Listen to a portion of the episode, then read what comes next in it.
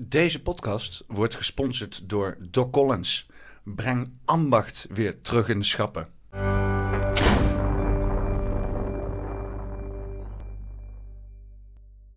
Ja, heel mooi. Daar zijn we gewoon, man. Daar zijn we gewoon. De Na, 111ste aflevering. eh, 111.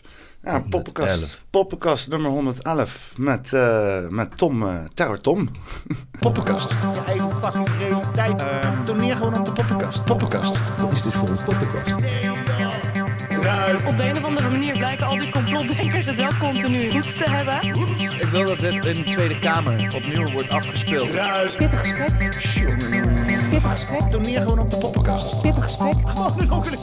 Pittig gesprek. Godverdomme. Pittig Je gesprek. eigen fucking realiteit. Pittig Oh, gesprek. wat een snoetje. Pittig gesprek. Gewoon op de poppenkast. Pittig gesprek. Ehm. Zijn we weer. Gezellig. En nog steeds, hè? Ja, we hebben, inmiddels hebben we een, eh, een lang weekend achter de rug. Een hele hoop eh, mooie dingen meegemaakt. Ja, Een beetje feestjes en eh, nou, spirituele dingen. Met Discord allerlei gesprekken. Gegamed met Sid hè, en Yannick, neef van Cherry. Nou ja, wel mooie dingen. Bij eh, eh, nieuwe mensen ontmoet, heel spontaan, in, eh, in Lage Zwaluw. Ja, dat verhaal van Ferry, daar kunnen we straks misschien ook nog wel even in gooien. Dat is wel bijzonder, hè? Ja, Dat, de mensen die hij allemaal gesproken heeft en de H369, die verzetswebsite. En, nou, wat zei die nou? Elon Musk gesproken en bezig met allerlei dingen op verzetsgebied. Uitspreken tegen instanties en dan de hele inlichtingendiensten en de militaire complexen op je nek krijgen. ja. Ja, dat is toch wel bijzonder hoe je daar dan één keer terecht komt, weet je wel. ja, ik vind het sowieso mooi dat je dan mensen ontmoet op zo'n onwaarschijnlijke manier. Die Ja. dan zo fucking precies mee bezig zijn waar jij mee aan het doen bent of zo, weet je. Terwijl het zo fringe is, weet je wel. Ja. Het is, eh, op een of andere manier vind je elkaar toch of zo. Ja, zo'n nieuwe openbaring. Ja. Weet je wat misschien wel leuk is? Even een oude poppenkast-traditie erin eh, gooien. Even het eh, nummer 111 opzoeken wat het betekent. Oh, nummer Want volgens 111. mij staat het voor intuïtie en verandering en zo. Ja, ik, ik eh, weet altijd dat als het eh, eh, 11 over 1 is s'nachts... Dat, als je dat ziet, dan ben je synchronisch, synchroon met het universum. Ja. In ieder geval. Eens even kijken. Eh, bete, be, be, betekenis. Maar dit ook weer, hè? Het is niet alsof ik dit gepland had. Maar op een of andere manier komen getallen met jou altijd op een eh, bijzonder getal uit of zo. Nou, mijn geboortegetal is ook 11. 11? Ja. Ja. Carnaval? 11 of 2. Nee, als je vanuit eh, numerologie, astrologie, zeg maar je geboortedatum bij elkaar optelt. En dat maar bij elkaar blijft optellen, dan komt er uiteindelijk een getal uit. En dat is gewoon je geboortegetal, zeg maar. Oh. Ja, dan kun je dan zelf de verbinding aangeven eh, die je wil. Of je er wel of niet wat mee doet. Kunnen, we dat ook bij mij uitrekenen? Ja, zeker. Kan ik heel snel doen. Wat is je geboortedatum? Eh, de jaar of de maand? Alle, maandag en ja, 30 mei 1990. eh 30, 5, 1990. Ja. Oké, dus dan heb je eh 3, 5, eh 199, dus 19. Kom je op 27 volgens mij. Als ik me nu niet vergis. 8, 9, dan, ja 27. En dan eh, tel je de 2 en de 7 bij elkaar op, dus dat is dan 9. Dus je geboortegetal is dan 9. 9. Hm. Hm. Hm. Oké. Eh, Eens even kijken. Eh, wat zullen we doen? Allerzien paragnost. eh gewoon de eerste. Zullen we de eerste doen? waarschijnlijk staat het er gewoon bovenin wel. Even kijken. Ja, maar de engelengetallen. heb Ik altijd een beetje een hekel aan engelengetallen. Ja, ik noem het ook geen engelengetal. Je hebt gewoon eenheden, hè, 1 tot met 9. Dan heb je meestergetallen. En die drie getallen zijn eigenlijk gewoon grootmeestergetallen. Nee, ik pak wel gewoon de bovenste. Even kijken. eh, de tweelingvlam, 111 betekenis. Als je op dit moment het fenomeen van de tweelingziel ervaart... ben je ongetwijfeld getallen tegengekomen die de tweelingziel eh, reis vergezellen. Waarom zie je de hele tijd 111 en wat betekent tweelingvlam 111? De betekenis van tweelingvlam 111 is een speciale boodschap voor jou... met betrekking tot je vereniging met je tweelingvlam. Nou ja, nee, dat- eh, is niet, is eh, voor mij ook iets te engelig allemaal. Nee, als je gewoon de numerologie bekijkt, dan meen ik dat het staat voor intuïtie en creatiekracht en verandering. Meen ik. Even kijken. Als je positief denkt eh, en in jezelf gelooft, heb je betere kansen om succes te hebben. Je moet proberen alle negatieve gedachten en negatieve mensen uit je leven te bannen. Ik heb net nog hier lopen, eh, even, net, even in de Telegram lopen chatten met, eh, met zure mensen en zo. Als je nummer 111 ziet, betekent dit dat je enkele positieve dingen in je leven brengen. Je moet voorbereid zijn op iets goeds dat eraan komt. Ja. Nou, dat mag wel een keer non de Jew. Nou, inderdaad. Zeker de mensen stoppen met blowen, hè? Oh ja, en mijn knie en zo. Gaat Hoe is het met je knie Ja, vandaag? gaat wel iets beter. Ja? Gaat, eh, het- Gisteren liep ik ook, eh, denk ik van, oh, dat, dat gaat best goed zo. Ja. Nou, volgens mij gaat het ook wel goed. En dan hoor je af en toe zo, ah, zo'n gesteun, weet je. Vooral als je uit de auto moet stappen. en Dead zo. noises. Ja, dead noises, ja. Nee, maar wat ik je al eerder verteld heb, man. eh, vitamine D tekort zit er denk ik sowieso wel in. En eh, collageen, man. Veel collageenrijk voedsel. eh, dus eh, veel runderbouillonnetjes, shit trekken uit botten, gewoon veel vlees. Dat even, draagt wel bij aan, aan je kraakbeen, weet je wel. Het is bij jou helemaal weg. Maar ik kan het alsnog in ieder geval iets verbeteren. moet ik gewoon een, een beenmerg leegzuigen of zo. Nou ja, dat is dus wel heel goed, ja. Hmm.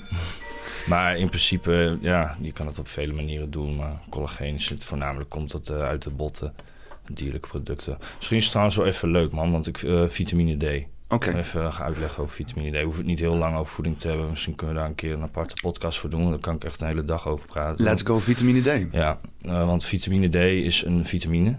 Maar vitamine D is eigenlijk het essentiële hormoon voor jouw immuunsysteem. Het is een eh, immunomodulator. Dus het eh, draagt bij aan het differentiëren van T-cellen, proliferatie, DNA-genezen ehm, en allerlei andere processen. Want vitamine D, elke cel heeft vitamine D-receptoren. Dus jouw hele lijf, elk proces is uiteindelijk afhankelijk van die vitamine D. Nou, zoals de meeste mensen wel weten, vitamine D krijg je uit de UVB-straling van de zon. Nou, je hebt pigment, melanine. Als je wat minder pigment hebt, vang je dus meer eh, UV-straling op. Nou, die UV-straling heb je dus het proces van fotosynthese, dat wordt omgezet, omgezet door eh 7-dihydroxycholesterol naar vitamine D, dus cholecalciferol. Dan die cholecalciferol die gaat door het epithel heen en die gaat dan binden in, eh, in de, niet per se in de bloedbaan, maar in ieder geval in allerlei weefsels, waaronder ook in het bloed, aan ehm, de VDBP. Dat is dus eigenlijk vitamine D binding protein. Nou, dan wordt het vervoerd naar de lever. Dan wordt het in de lever omgezet door 25 dehydroxy ehm calciferol. En dan vanuit daar wordt het omgezet in calcidiol. En de calcidiol dat wordt zowel gebruikt als opslag. En dat wordt dan vervoerd onder andere naar de nieren, maar ook naar de longen. En daar kan het dan weer omgezet worden in calcitriol. En calcitriol is uiteindelijk de actieve vorm van vitamine D. En cholecalciferol is eh, voornamelijk dierlijk vitamine D. Dus vitamine D3 is dat. Dan heb je eh ergocalciferol, dat is vitamine D2. En die vitamine D2 die haal je eigenlijk alleen maar uit eh, planten. Dus die, die maken wij zelf niet aan. Waar- waarom zou je niet jezelf gewoon direct kunnen injecteren met calcitriol? Ehm, omdat, het, omdat het in principe eh, minder lange leeftijd heeft. Dus het calcitriol wordt over het algemeen gelijk gebruikt. Dus je hebt wel vormen van volgens mij calcidiol die je wel enigszins kan innemen. Maar omdat wij natuurlijk dierlijke wezens zijn, is het voor het lichaam het efficiëntste om vitamine D3 te nemen, dus cholecalciferol. Maar ik, ik zal niet te veel over COVID beginnen. Maar uiteindelijk, als we gaan kijken naar COVID, en er zijn heel veel immunologen, experts, eh, mensen zoals eh, Dr. Rhonda Patrick, eh, artsen, huisartsen. Er is heel veel onderzoek gedaan, ook door wetenschappers, naar wat was er nou mis met mensen die eh, C, C19 hadden. En dat was in principe een vitamine D3 tekort. En ongeveer 70, 80 procent van de mensen die het dus gehad heeft of eraan overleden is, die had vitamine D3 tekort. Dus vanuit mijn optiek, en als ze dus weten dat het een eh, immunomodulator is die letterlijk zorgt voor dat je witte cellen eh, goede functies hebben, plus absorptie van calcium. Daarom zei ik ook tegen jou met je kraakbeen. Dat is natuurlijk ook in je kraakbeen en voornamelijk in de botten heel veel calcium. Dus het is heel belangrijk dat je de vitamine D neemt, want je kan allemaal eh, calcium innemen. Maar als je niet voldoende vitamine D3 hebt, dan kan je intestines, je darmflora, darmen kunnen dat gewoon niet goed opnemen. Dus dan neem je het in, maar dan scheid je het uiteindelijk gewoon weer uit. En ik scheid een hoop uit. Dus Ja, nou, ja, uitscheiding is inderdaad het, het afscheiding hè, vanuit eh, klieren. Dus afscheiding is dat het naar de bloedbaan gaat of eh, door no- neurologische transmissie. Dat dingen gewoon eh, een bepaald proces doorlopen. En uitscheiding is inderdaad dat het naar buiten gaat. Door de huid of door urine of uitwerpselen. Maar bijvoorbeeld als we dus gaan kijken naar dat vitamine D... dan zie je dat, we, dat wij de alveoli, dat zijn eigenlijk is gewoon een fancy naam voor longblaasjes, die kunnen dus ook calcidiol aanmaken. Dus die kunnen vitamine D aanmaken. Dus jouw longen kunnen letterlijk vitamine D aanmaken. En vitamine D is bekend dat het dus beschermt tegen severe acute respiratory syndrome.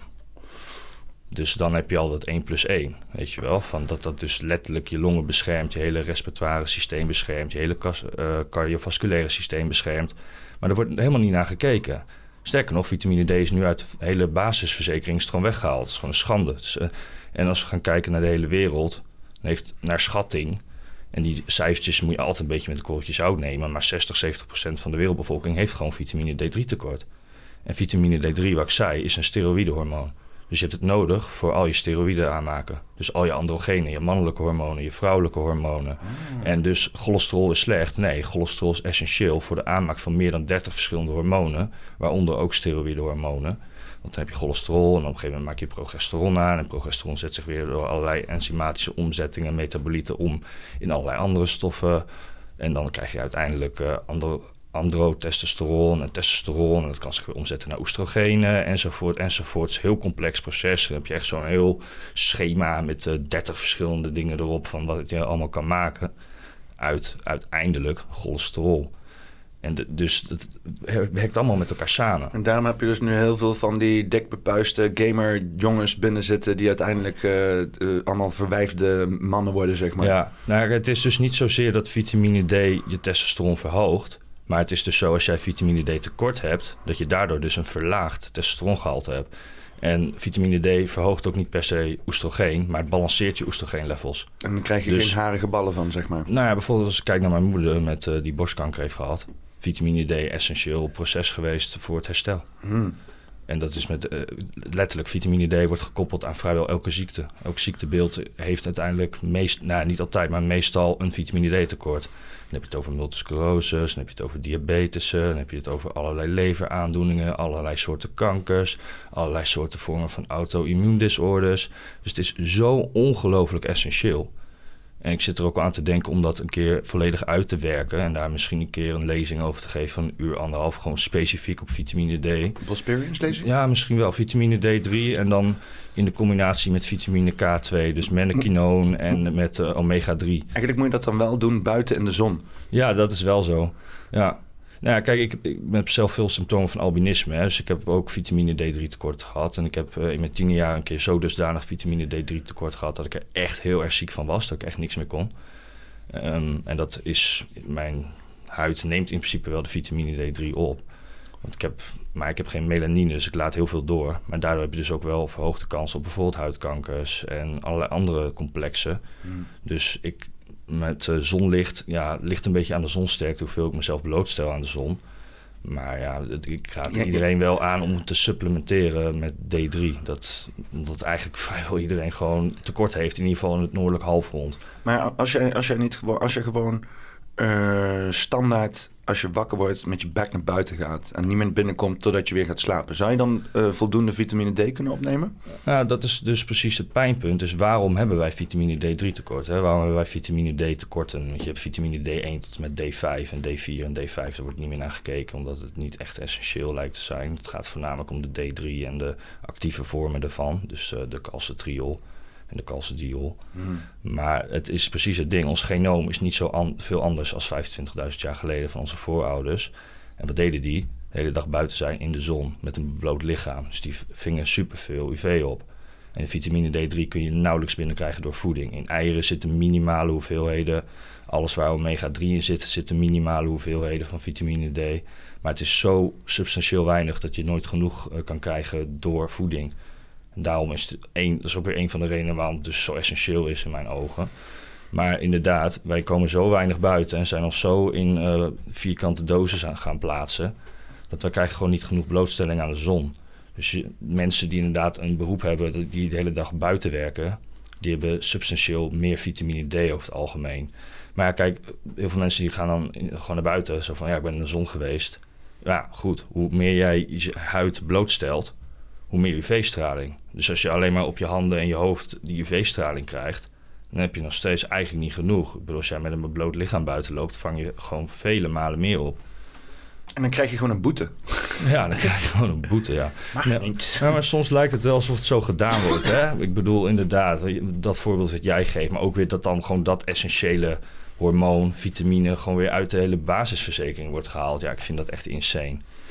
Nou, je zou bijna zeggen dat bepaalde industrieën er heel veel baat bij hebben om dan vervolgens de symptomen te kunnen bestrijden. Ja, stel je nou voor dat je. De, de- dezelfde industrieën die ons vertellen wat dan die de benodigdheden zijn om zogenaamd gezond te zijn. Ja. En, en dan dezelfde industrieën die andere alternatieven of andere eh, ehm, eh, eh, onafhankelijke onderzoeken allemaal onderdrukken, zeg maar. Ja. Om, om, ja, om, om dan hun eigen onderzoeken meer, hoe noemen we dat nou, gravitas te geven of zo. eh, Ja. In het publieke oog in elk geval. Ja, want stel je nou voor dat gewoon je medicijn in de natuur zit. En stel je nou voor dat het lichaam de meest geniale biochemische machine is in regeneratie en celherstel. Stel dat je En zonne- dat- en dat zonnestralen niet kan Stel- patenteren. En, en, en stel je voor dat je daar geen geld op kan verdienen, omdat je gewoon een zelfgenererend, herstellend wezen bent als je het op de juiste manier doet. Stel je voor dat je een immuunsysteem hebt die letterlijk elke ziekte die nu is en ooit gaat zijn, kan eh, handelen door het aanmaken van lymfocyten, B-cellen, T-cellen en dergelijke. Weet je wel, dus het is, Slecht voor het business. is slecht voor, de, e- voor business, voor de economie. Ja, goed voor de mens, slecht voor de economie. Er is eh, weinig winstmodel te vinden in de werking van de zon. Ja. Ja, ja, het is echt bizar. Maar ja, dan kun je nog gaan kijken naar K2 en omega-3 om het nog even daarmee af te sluiten. En daar kunnen we het wel gewoon even ergens anders over hebben. We hoeven niet iedereen dood te gooien met allemaal eh, Ik, feitjes. eh, we hebben, we hebben Maar, eh, weinig gehad over voeding, nog eh, 111 afleveringen Ja, verder. Dus, is- ja. dus ga helemaal los, zou ik zeggen. Maar je hebt de omega- de omega-3 vetten. Dan heb je drie vormen. dat is toch wat je in die boter ziet en zo, en noten en shit? En nee, vis? ja, in vette vis zit het Ah. voornamelijk. En je hebt in walnoten heb je omega-3, maar je hebt dus de plantaardige vorm, dat is ALA. Dat is eh alpha-lionzuur. En die is niet heel essentieel, maar het doet wel bepaalde processen, ook met zenuwstelsel. En, maar dat zet zich dan, probeert zich om te zetten in twee andere vormen van omega-3, die dus, die dus dierlijk zijn.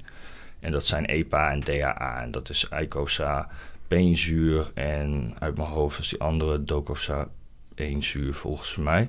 Maar in ieder geval, die eh, ALA, ALA die wil zich omzetten naar EPA en DHA. Maar die is heel inefficiënt daarin. Dus die kan maar iets van 5 tot 10 procent opzet, omzetten naar EPA. En maar iets van 0,5 procent naar DHA. Dus daarom moet je dus vette vis eten om te zorgen dat die eh, gehaltes op peil blijven. En die werkt dus in symbiose met K2 en vitamine D, omdat die dus samen met cholesterol zorgt voor de transport van vitamine D. Nou, dan kom je bij het volgende, dat de K2, want die vitamine D, wat we al zeiden, die zorgt dat je calcium kan absorberen. En daar speelt de schildklier ook een grote rol bij. En de hormonen die daaruit vrijkomen, T3 en T4-hormonen. Maar als je dus de ehm, K2, die zorgt ook daadwerkelijk dat het calcium uit het bloed opgenomen wordt door het bot. Om het bot te vormen en de tanden te vormen en dergelijke. Dus je kan eh, heel veel vitamine D nemen en calcium nemen. Maar als jij niet de juiste mate omega-3 vetten hebt en K2-vet en eh, K2-vitamines hebt, dan kan je dus aderverkalking krijgen, omdat die calcium gewoon in het bloed blijft circuleren en niet daadwerkelijk naar de plek gaat waar jij het wil hebben. kan er niet Dus gewoon wat kalgon, allemaal kan, samen. kan niet gewoon wat kalgon nemen? Ehm, Wasmachines ik denk- leven langer met kalgon. ik denk dat je dan snel weer terechtkomt bij eh, bepaalde big pharma instanties. Maar, maar eh, als ik het goed begrijp, hebben we bijvoorbeeld eh, walvisvet en zo. En, eh, en ook eh, zeehonden en dat soort shit. Volgens mij bevatten die ook heel veel omega-3 Ja, vetten. ja, en dat is wel grappig, want dat zijn dus vooral noordelijke halfronde stammen. die inderdaad vrij weinig vette vis. weet je wel, vrij weinig zon pakken of zo. Of weet je, die hebben soms gewoon, eh, vooral eh, hoe noordelijker je zit, dan heb je bepaalde, de, de ene helft van het jaar heb je heel weinig zon. Ja. Maar die vreten dus alleen maar van die, die zitten hele walvissen en zo en, eh, en, en, en eh, zeehonden weg Ja. te kanen. Maar dat, dat compenseert dus mooi uit met, met hun gebreken daar, ja. zeg maar. ja, ja, Dat zeker. is een natuurlijke Zee- oplossing Zeehondjes voor... knuppelen in Finland is heel, heel sneu. Maar ja, aan de andere kant, ja, de natuur geeft, de natuur neemt, weet je wel. Maar ja, Nee, je hebt bijvoorbeeld van walvisjagen, dat is dus illegaal. Maar je Mhm. hebt eh, in het, eh, eh, boven Engeland heb je van die, van die eilanden. De, kom even ja bedoel op, je in eh, Noord-Schotland daar zo? Ik weet wel welke eilanden je bedoelt, maar ik kan ook niet op de naam komen. Even kijken, want het Ehm, zijn... eh, want ik zat er laatst iets over te lezen. En die mensen die... eh, de Faroe Islands, Oh ja, inderdaad. ja. En, eh, want die mensen die, die jagen dus gewoon walvissen. En, eh, maar dat gebeurt eigenlijk, dat doen ze al heel lang. Maar dat gebeurt dan, want een walvis komen dan hun baai binnen. En dan gaan ze die allemaal lokken. En dan is, komt het hele dorp komt samen, weet je wel. Ja. En dat is dan een soort van een, een opwelling. Weet je niet, het is niet gepland of zo. Dan zijn er op een gegeven moment iemand die spot de walvis. En dan gaan de horens, "Oeh, de walvis. Ja. En dan komt iedereen overal die drop waar ze mee bezig zijn. Dan komen ze allemaal naar het strand. En dan gaan ze walvissen jagen. En dan is dat hele strand is helemaal bevuld met bloed. Eén grote horrorshow. Ja. En ja, heel veel mensen die zien dat en die willen dan dat het stopt, weet je wel. Maar eh, wel hun zeggen van, ja, dit, dit is gewoon natuurlijk. Hè? Mhm. Want er zijn daar buiten die baai zijn er genoeg walvissen. Het gaat Ja. alleen over die paar walvissen die binnen de ba- ba- baai komen. En als ze dan zo'n in zo'n walvis weten te strekken, dan kunnen zo- zo'n dorp kan er een heel jaar van fucking vreten. Ja, en ondertussen spoelen de walvissen aan door eh, alle plastic meuk en alle olies die wij in de zee stoppen. Dus als je echt het leed Wind- van de val... Windmolens. Precies, als je echt het leed van de walvissen wil tegengaan, kijk daar dan eerst naar. Weet Ja. wel, dat... eh, Nee, maar ik heb wel eens walvisvlees ge- gegeten. Ik noem het ook vlees. Want het is gewoon echt alsof je een biefstuk eet, man. Alleen dan uit de zee. Het is best wel een vleesstructuur, walvis. Beef. wel, eh, het is sea wel- beef. het is wel echt heel lekker. Het is wel een beetje sneu, weet je wel. Maar, want ik- ja, walvissen... Ik ben nog steeds niet heel fan van dat we erop jagen.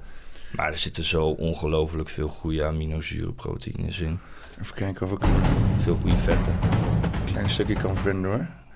Eh, Over die windturbines of... nee, dit is inderdaad het walvisjagen inderdaad. brutal eh. there's a lot of blood in the sea, but it's, it's only emotions. And they use it uh, to, to, uh, to gather money. They can throw that around. They always throw that around, but uh, I'm not making any money on this at all. Anything that Ja, dat is dat walvisvlees, eh, uh, Dat, dat zwarte inderdaad. any eh, wacht even. Ja, het is vrij donker, ja. Hier, dit, dit zwarte, dat is dan eh, walvisvlees. Het is wel een beetje doorbakken lijkt het. maar het is wel vrij Ja, donker, ja. Volgens mij, ja, volgens mij, eh, ja. Ja, het want het is een gedeelte van de, want dit is ook, dit is dat vet zeg maar, en dit is dat vlees. Maar ja, dat zit dus, dat is gewoon een bak met omega-3 hier waar je naar zit te Ja. kijken natuurlijk. eh.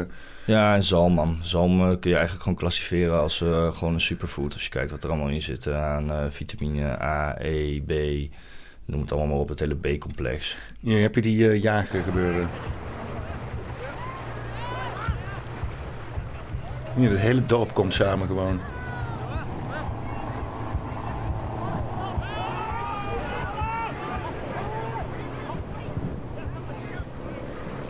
En een tijdje als dus dat jagen klaar is... Dan is het gewoon... De Rode Zee geworden. Ja.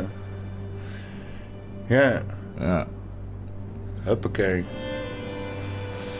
ja het Ja, is het sneu, eh, maar ja. mensen, mensen hebben het over eh, dierenleed voorkomen. Eh, eh, als het gaat over het eten van vlees. Hè. Je ziet dat nu heel veel in de, in de vega-beweging en zo. Ehm, ehm, ik heb hier vorige week Patrick gehad die zegt... ik eet geen vlees omdat ik er zelf eh, ziek van word. Ik Ja. heb niks tegen dierenleed. Maar je hebt heel veel mensen die het precies andersom doen. Hè. Die is puur op dierenleed gooien. Maar ik zit, altijd, ik zit altijd te bedenken, en vooral ook voor wilde dieren. Moet je je voorstellen, je hebt een. eh, eh, bijvoorbeeld een konijn of zo, weet je wel. Nou, je vangt een konijn, je maakt hem eh, af op een, eh, op een humane manier. is ook altijd apart hè, dat je dieren op een humane manier afmaakt. Dat is puur vanuit het menselijke perspectief. Ja. En, eh, en dan eet je het op. Hè? Maar je kan ook zeggen van, nou oké, ik eet het dan niet op. Hè? Maar ik, ik, ik, ik bespaar de dierenleed. En dan wordt zo'n konijn wordt door een valk opge, opgepeuzeld. en die wordt niet op een humane manier afgemaakt. Die wordt gewoon stukje Gedropt bij van stukje... honderden meters. Ja, of misschien ook gepikt, weet je wel. Ja, helemaal totdat hij, totdat hij dood is. Dat is ook niet chill, zeg maar. Nee. Maar dat is wel wat de natuur de natuur aandoet. Ja, als je kijkt naar, wij vinden katten allemaal heel lief en schattig. Maar dat zijn de meest zieke dieren, want die spelen letterlijk met hun prooi. Die vinden dat prachtig om eh, hun prooi te zien lijden en daarmee te spelen en te observeren voordat ze het doodmaken. De natuur is meedogenloos. Ja. En ik ben ook tegen dierenleed, hè? maar het is maar net van welke definitie, wat is jouw definitie van dierenleed? Want zo'n dier dat in het wild leeft, ten eerste, is een natuurlijke omgeving, bouwt hij veel beter eh, allerlei stoffen op die jij tot je wil nemen. En daarnaast heeft dat dier een veel beter leven gehad dan al die varkens die wij maar vol stoppen in zo'n stal. Ja. Dat is inhumaan. Weet je, dat is inhumane slachting. Daar ben ik ook tegen. Ja, maar dat is vooral wild in- jagen. Inhumaan houden is dat inderdaad. Ja, Eh. Want, je kan ook, want je kan denk ik toch wel dieren houden op een niet in- inhumane manier. Gewoon net zoals je van die lievarvarkens hebt. eh, die in kloosters en die krijgen liefde en aandacht en bruin bier en al dat soort zaken. Eh, dat kan je beter, want als je wilde varkens hebt, dat is ook, eh, eh, ook onderling wilde varkens. Die kunnen elkaar ook helemaal slopen en Ja. zo. Dat, is, dat gaat er hard aan toe. Ja. Terwijl als je gewoon dieren houdt, dan, kan jij, dan creëer je harmonie. Net zoals eh, Ja. onze overheid nu harmonie creëert voor ons. Ja. Dat doen ze niet heel succesvol, maar... De dieren en wat wij eten en de planten zijn ook heilig, omdat het ons leven geeft. Hè? Want jouw organen zijn zo gezond als jouw bloed. En jouw organen komen van jouw weefsels en jouw weefsels van je cellen. En je cellen komen uit je bloed. Dus als jij shit tot jou neemt, waar allemaal GMO's in zitten en allemaal rommel... en die dieren hebben superveel stress gehad... hetzelfde proces geldt voor die dieren. Hoe denk je dat het is met die cellen en die organen en die weefsels van die dieren? Ja. En neem je dat tot je, dat genereert jouw hele systeem. Dus als je daar echt heel diep over na gaat denken, is het helemaal niet slim wat we aan het doen zijn. Nee. Dat is, het gaat nergens over. Ja, ik, ik, ik zou liever ook een weer, want ik, ik hou van vlees. Ik zou graag vlees willen eten, maar ik, ik heb ook een hekel aan. eh, ik eet ook trouwens gewoon vlees. Ehm, maar ik heb wel een hekel aan hoe het tot stand komt, zeg Ja. maar. Eh, hè, als ik inderdaad ehm, ehm, al die massaboerderijen zie, dat ik ook denk van. Dit moet, dit- en het stomme is hier in Nederland, het hoeft niet eens. Weet je? Nee. Als wij alleen vlees zouden maken voor Nederlanders hier, dan zouden wij dieren fantastisch leven hier kunnen Kijk geven. hoeveel weilanden er leeg staan. Gewoon die beesten, die stallen uit en gewoon weer op het land laten leven. Ja, het enige nadeel is, is dat je ook de voeding voor de dieren moet kweken. En dat kost eh, vier keer zoveel oppervlakte dan, eh, dan, dan de, de oppervlakte waar de dieren zelf op leven. Ja, zoiets. Maar dan nog, volgens mij dan nog, hè, kan je gewoon... eh, want wij, wij kweken ook gewoon vlees voor heel Europa shit. Hmm. Ja, En dan denk ik van, meer dan dat we... 70% is export volgens mij. Ja, en sterker nog, wij maken dus hier vlees, luxe vlees, voor buitenlanders om duur in te kopen. En, dan importeren wij goedkoop vlees uit andere... shit. Ja, ja. Nu met dat nieuwe verdrag van een paar jaar terug en zo. Ja. Ja, het is waanzin. Het is waanzin. En dan moeten onze boeren hier weg, terwijl die En, fantastische en dan ga je het dus ook nog verschepen met je olietankers. Terwijl iedereen zegt van we moeten eh, klimaatneutraal zijn. olietankers gevuld met eh, eh, benzine, of hoe noemen we dat ook weer? Stookolie, waar echt de meeste rommel in wordt gegooid. Zelfs als maar op sommige punten nucleair afval. Nou ja, daar was en ik het dus wordt dan. van bewust. Dat hebben jullie mij laatst uitgelegd. Dus Ja. stond ik ook zo te kijken van... Nou, Ja, dat is uit die documentaire Beerput Nederland. Een hele vette documentaire. En dat gaat dus echt over de werkelijke destructie van het milieu. Niet omdat er een beetje gassen in de lucht zitten. Nee. Of überhaupt natuurlijke stoffen die dan door bureaucraten worden aangemeten als te veel. Alsof hun fucking de boswachter zijn van Nederland. Hè? Net zoals de stikstof en al dat soort zaken. Maar de echte fucking meuk. Gewoon hooglijk chemisch, radiaat, cadmium, strontium. Dat soort fucking stoffen.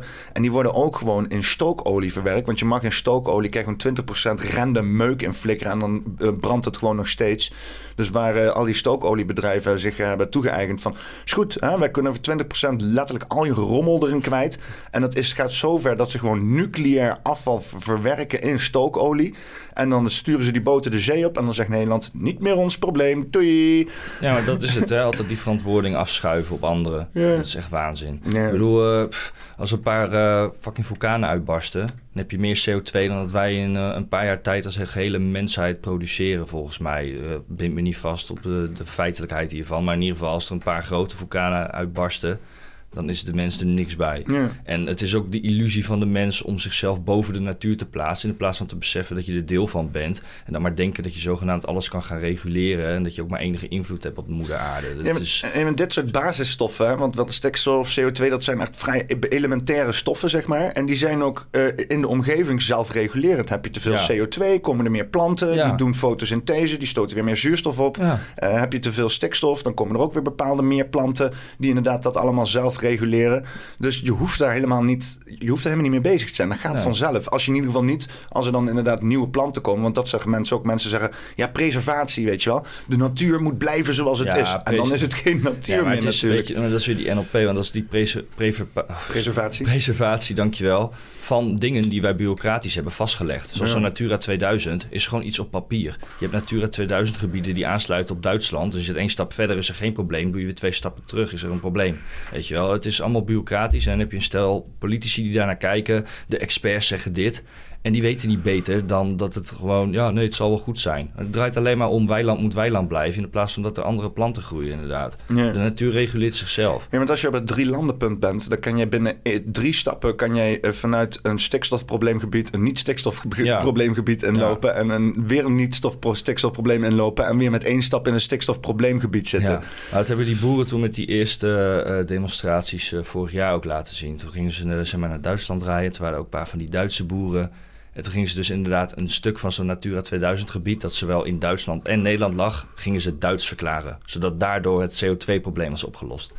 Weet je wel? Gewoon puur om aan te tonen wat voor waanzin het is. Weet je wel, laten we eens een keer luisteren naar de mensen... die al generatie op generatie het land bewerken... in plaats van een stel bureaucraten in Brussel.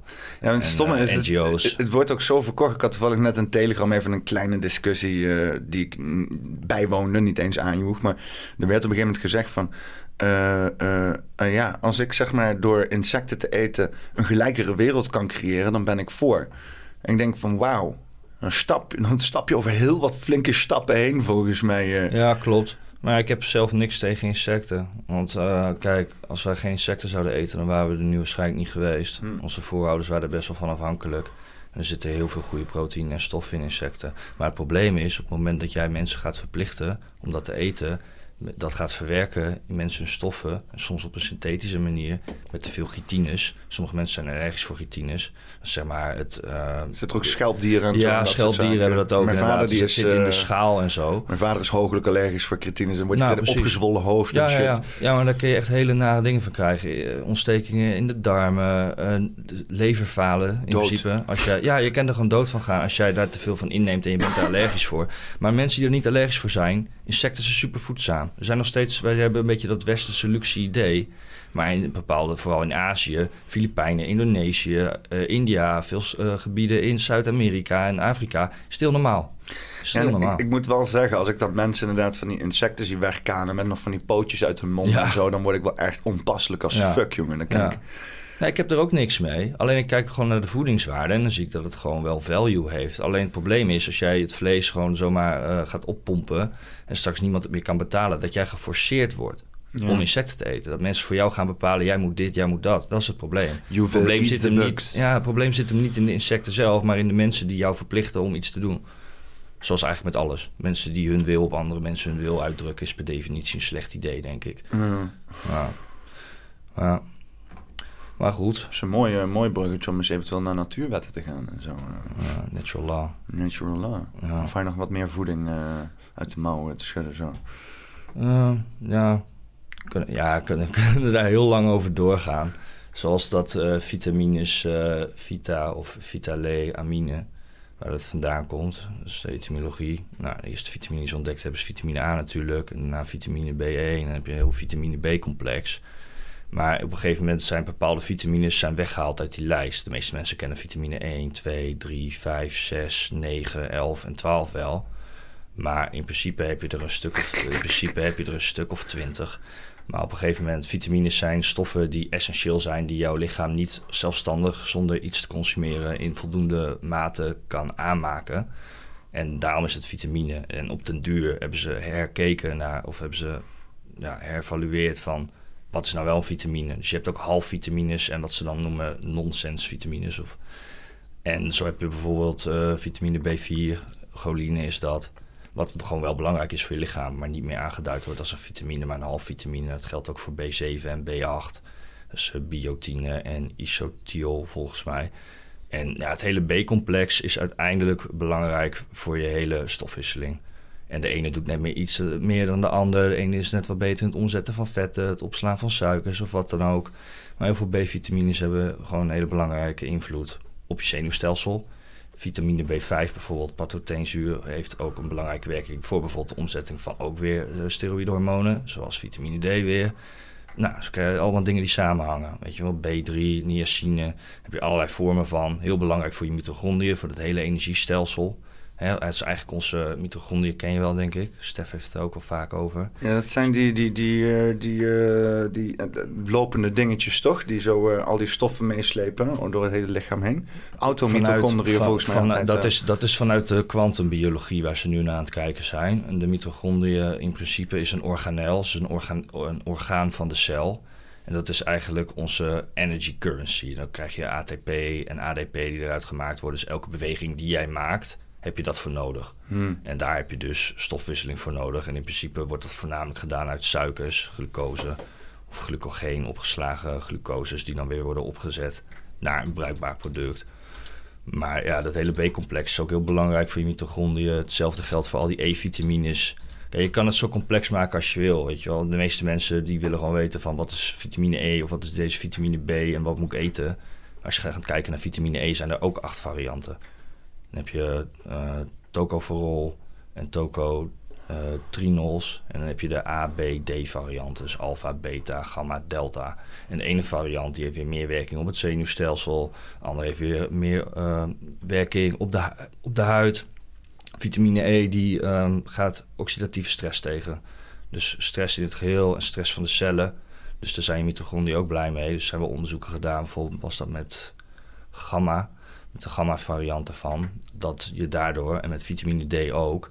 dat je gewoon hogere productie kan krijgen van ATP. Dus dat je gewoon daadwerkelijk gewoon meer energie kan hebben. Gewoon puur door gewoon de juiste waardes van bepaalde vitamines of mineralen... gewoon in je bloed te hebben. Dus ja, dat is heel belangrijk. Je kan het heel complex maken. Vitamine E werkt dan weer eh, samen met vitamine A. Dat werkt allemaal weer samen met vitamine B, vitamine C, vitamine D, vitamine K. Het is, het allemaal een overkoepelend systeem, weet je wel. Alles is met verband met elkaar. Nou, als je van het hermetische principe gaat kijken, van eh, natural law... dan zit je in de tweede principe, principle of correspondence. Of, eh, ja. Dus dan krijg je het as above, so below, as below, so above... as within, so without, as without, so within principe... Dat alles wat je in een hogere laag ziet, in een kleinere laag ziet. En alles wat je van binnen ziet, zie je ook weer erbuiten. Of alles wat je om je heen ziet, kun je ook weer naar jezelf kijken. Weet je, wel. je kan jezelf zien als een cel in de aarde, zoals je cellen in je lichaam hebt, als je zou willen. Weet je, je kan het allemaal ja, spiritueel maken. Je kan er ook gewoon vanuit een wetenschappelijke manier naar kijken. Dan zie je ook dat alles op een bepaalde wijze met elkaar verbonden is. Maar dat is, ja, het is mooi.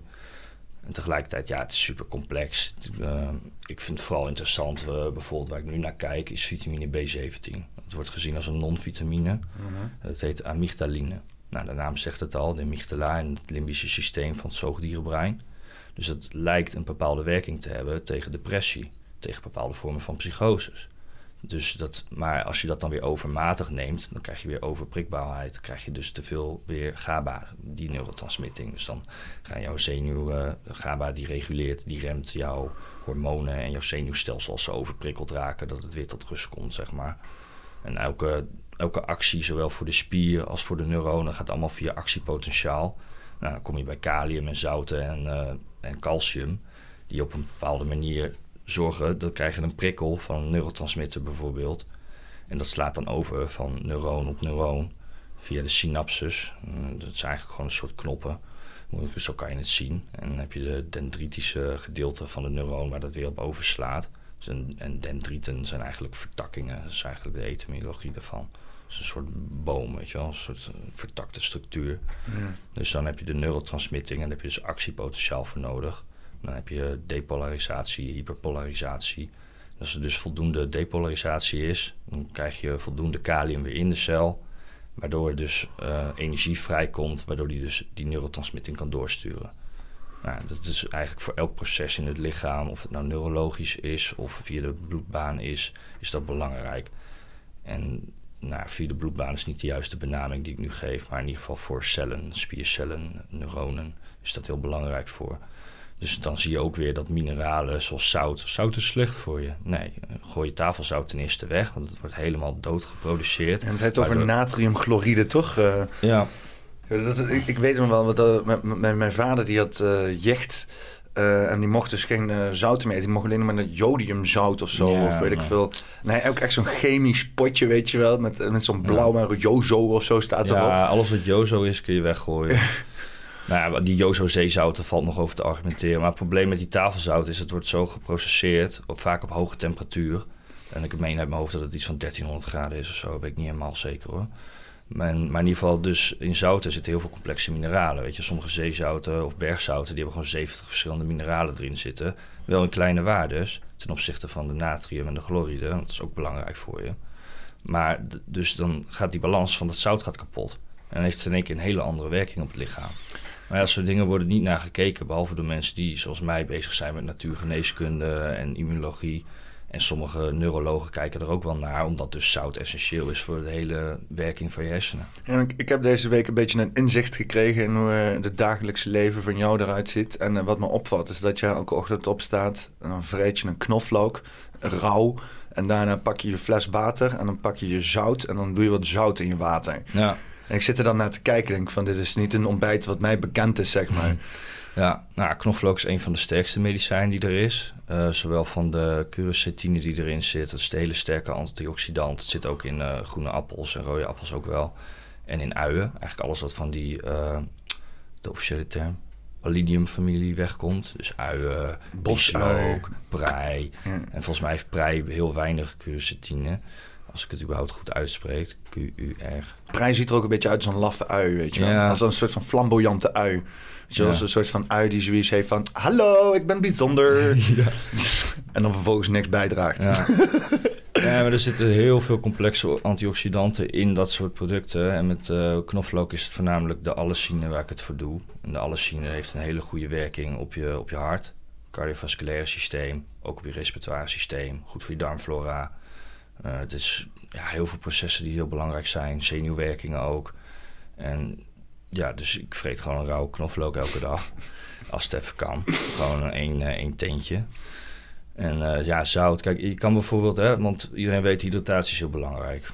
Nou, hersenen hebben ongeveer, hè, dit ben niet helemaal vast op die cijfertjes, want ja, dat is altijd, kan altijd weer veranderen. Kan opgezocht worden gewoon. Nee, maar ik bedoel meer in de zin, in de, in de zin van eh, wetenschappelijk gezien heb je 100 milliliter water per uur nodig voor de hersenen om optimaal te kunnen functioneren. Huh. Dus ik bedoel meer in de zin van, ja, 100 milliliter kan ook 120 milliliter zijn, kan ook 80 milliliter zijn.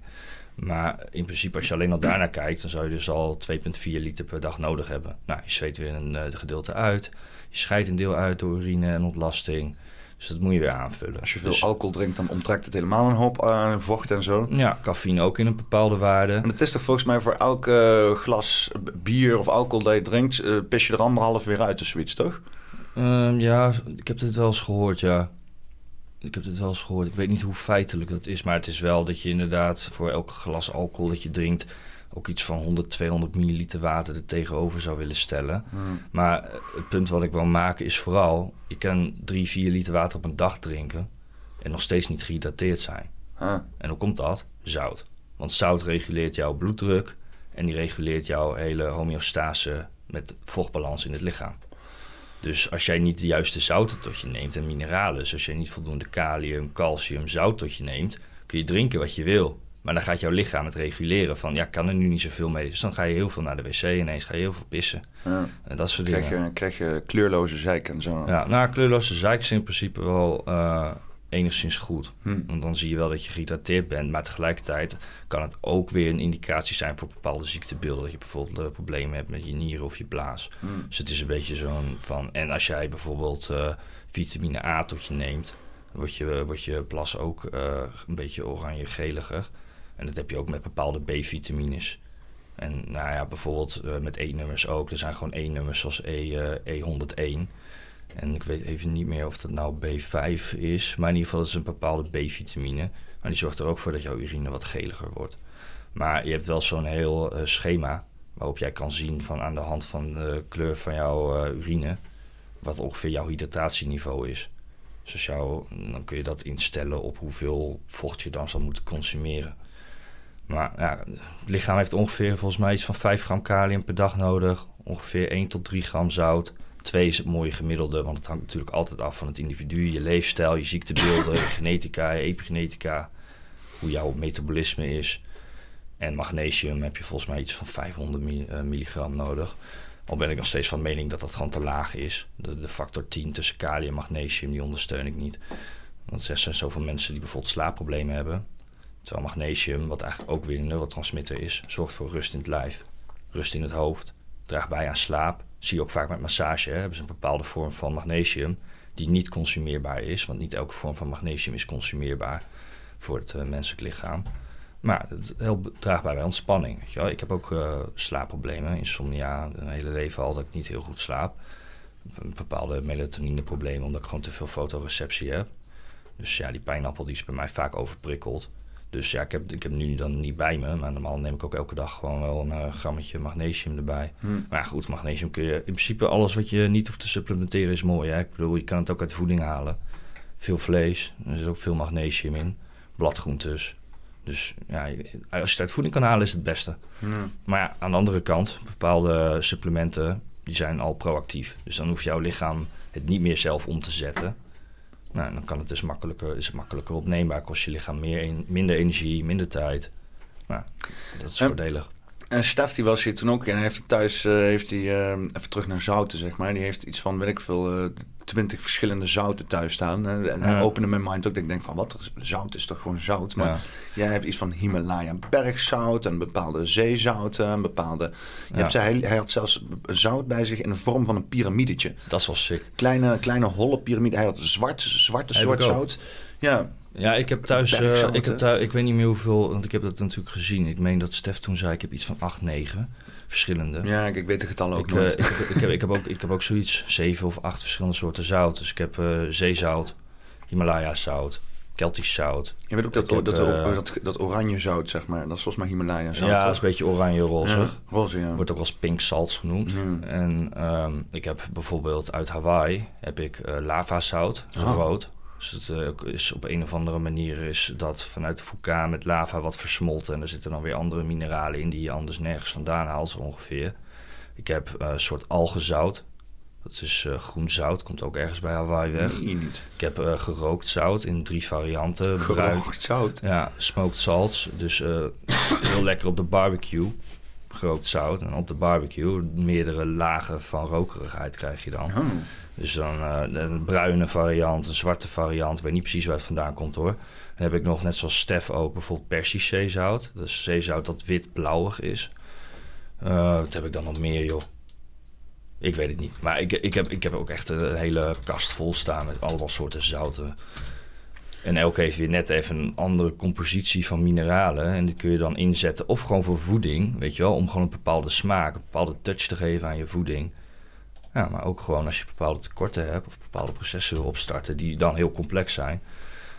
Dat je dat eh, kan gebruiken op die manier. Is dit die lavazout of zo? eh? Nee, die van mij is echt knalrood, man. Oh, oké. Ja.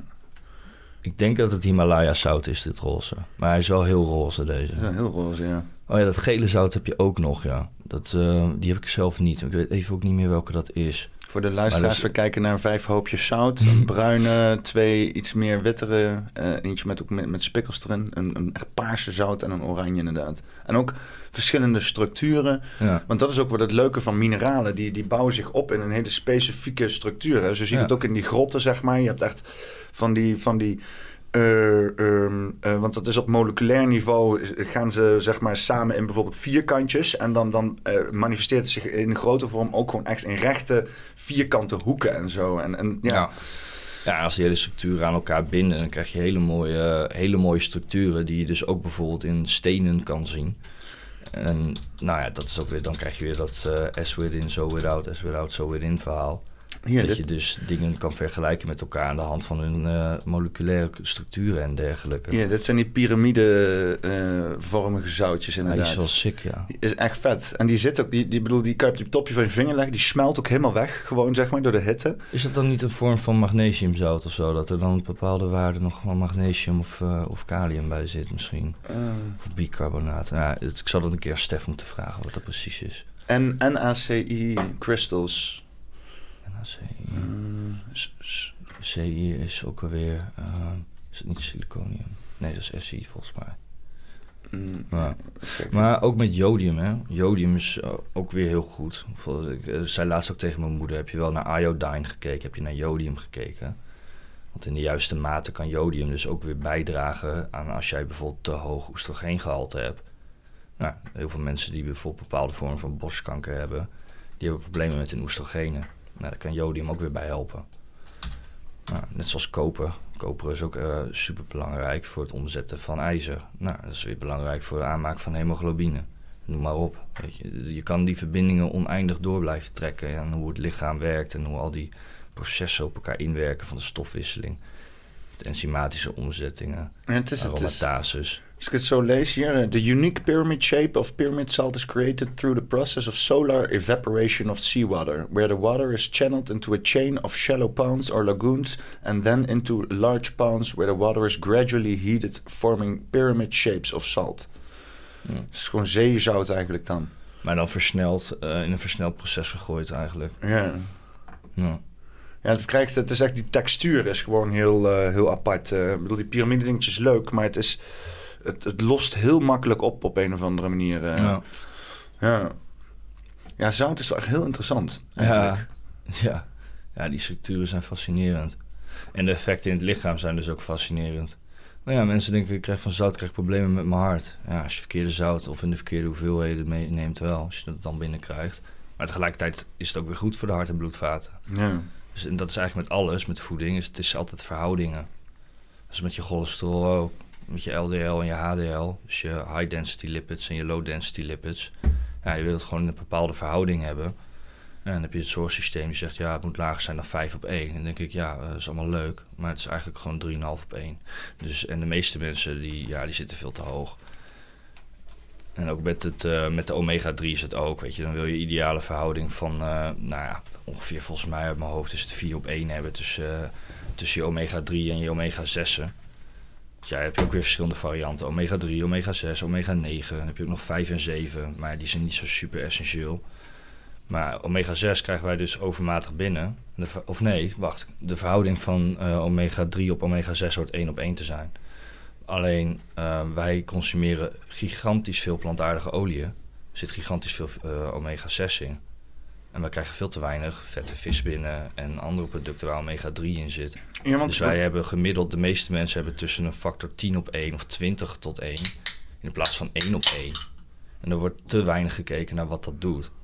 Maar er zijn ondertussen duizenden studies die wel aantonen dat dat gepaard gaat met heel veel ziektebeelden. En dat, het is altijd gewoon een heel complex systeem. En als te veel paden verkeerd lopen, dan begint de ziekte. Ja, want we hebben ook eh, vertaald gekregen dat plantaardige olie heel gezond zijn. Als je dan wil frituren, doe dat dan met plantaardige olie. Je hebt heel veel cafetariërs waar dan een groot bordje staat met wij frituren op eh, zonnebloem of wij eh, frituren op plantaardige olie. Ja. Maar dat is, dat is helemaal niet goed, volgens mij, toch? Nou ja, olijfolie heeft ook veel eh, omega-6. Maar Olijfolie is wel in de juiste mate heel goed voor je systeem. Omdat het ook je cellen beschermt. Is, is olijfolie plantaardige olie? Nou, nee, trouwens. Olijven Je hebt- zijn Ja, geen je hebt, wel, nee, je hebt gelijk. Het valt niet onder de vegetable oils. Ah. Nee, dat klopt. Nee, maar de zonnebloemolie voornamelijk, die is heel erg ontstekingsbevorderend. Hmm. Dus in kleine mate is prima, maar anders dan krijg je gewoon imbalans. En dat zit hem dus in de omega-6. Als je daar te veel van hebt, en dan krijg je gewoon, heb je gewoon een hoge kans op ontstekingen. Terwijl de omega-3 en dan met name de, met name de DHA, die zorgt juist dat, ontstekingen geremd, dat de ontstekingen geremd worden. Dat is ook wat vitamine D doet, dus anti-inflammatoire. Dus het zorgt ervoor dat je ontstekingen gewoon afnemen. Maar kijk, ontstekingen zijn soms ook een indicatie vanuit het immuunsysteem om iets te kunnen oplossen.